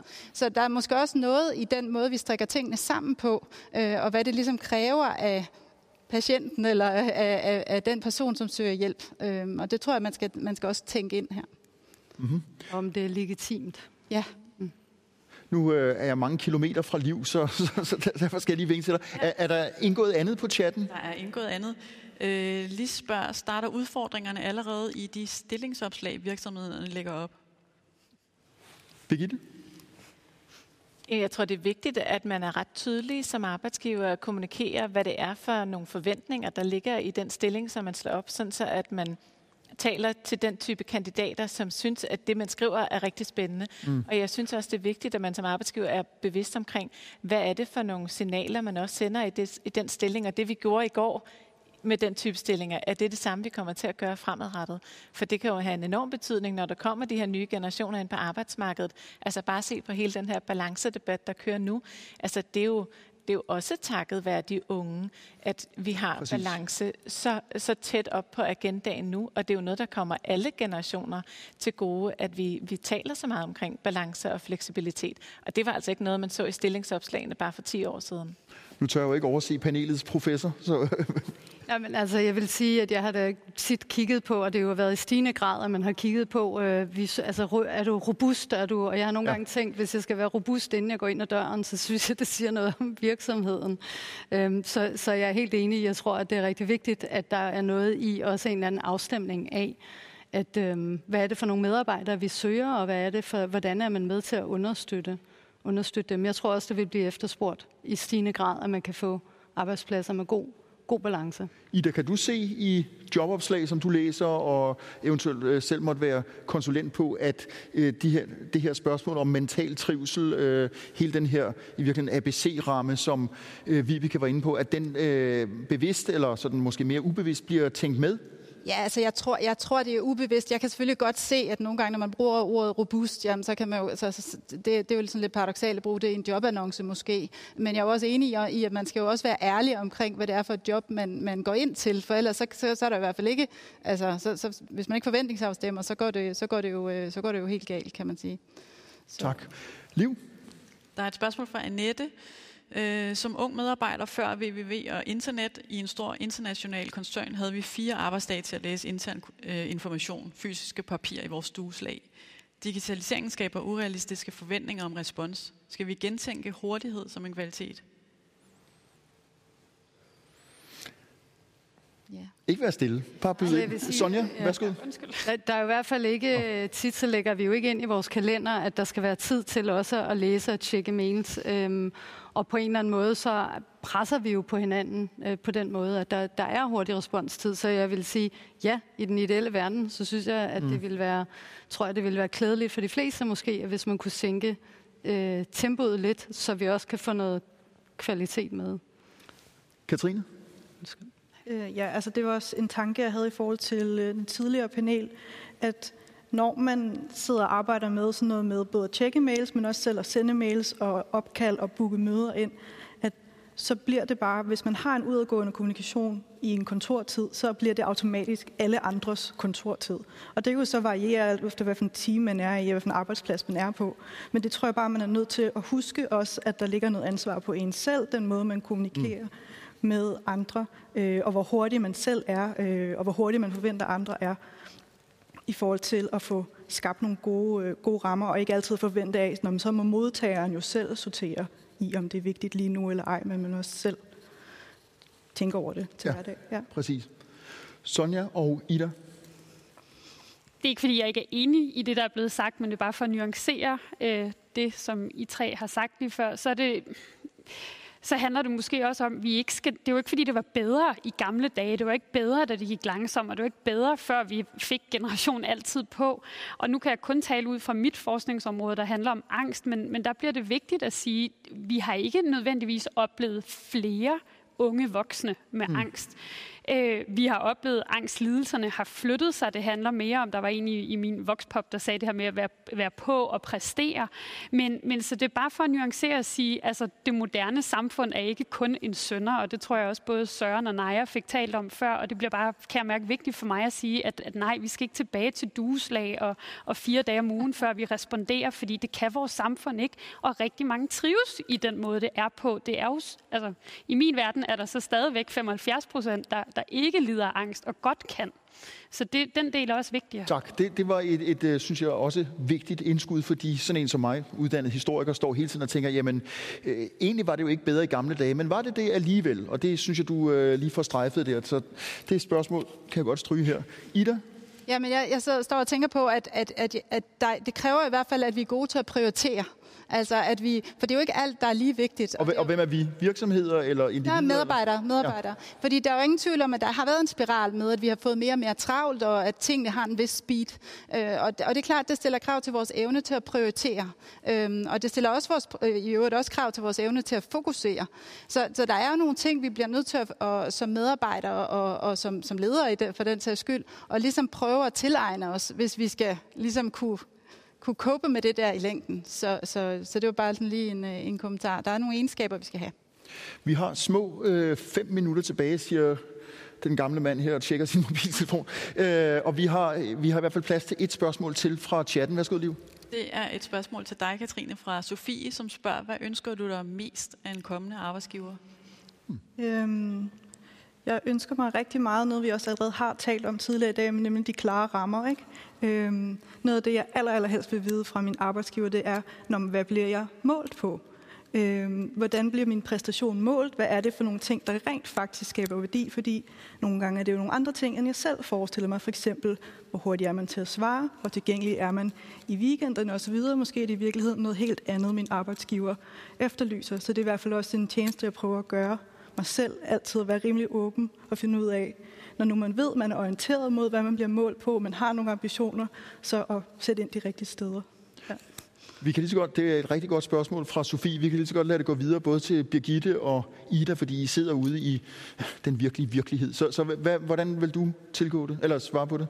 Jeg tænker også, at forventningsafstemningen, som Katrine er inde på, altså det er super vigtigt, at man også sætter nogle rammer og noget struktur på, at man får taget de dialoger, særligt med de her helt nye medarbejdere, og også de unge medarbejdere, som måske ikke har været vant til at have et arbejdsliv, hvor man hvor man selv har opbygget den her prioriteringskompetence. Og bare det at starte hos en ny arbejdsgiver gør jo også, at det er nogle andre ting, der er vigtige. Mm. Det kan være, at tilgængelighed er mere vigtig end, øh, end mængden eller af, af opgaver, der bliver besvaret. Og det ved man jo ikke, før man taler med sin leder om det. Øhm, noget af det, vi gør i Krummen Rømer, det er, at vi egentlig både giver en leder og en tutor til vores nye medarbejdere, sådan så hvis der nu er nogle spørgsmål, som man tænker, at ah, det her det er måske lidt for dumt at spørge min leder om, så kan man jo altså spørge sin tutor, som er en medarbejder, der lige har været igennem samme introduktionsforløb som alle, alle de andre nye, øhm, som, som kender til alle de dumme spørgsmål, og der er aldrig nogen dumme spørgsmål jo.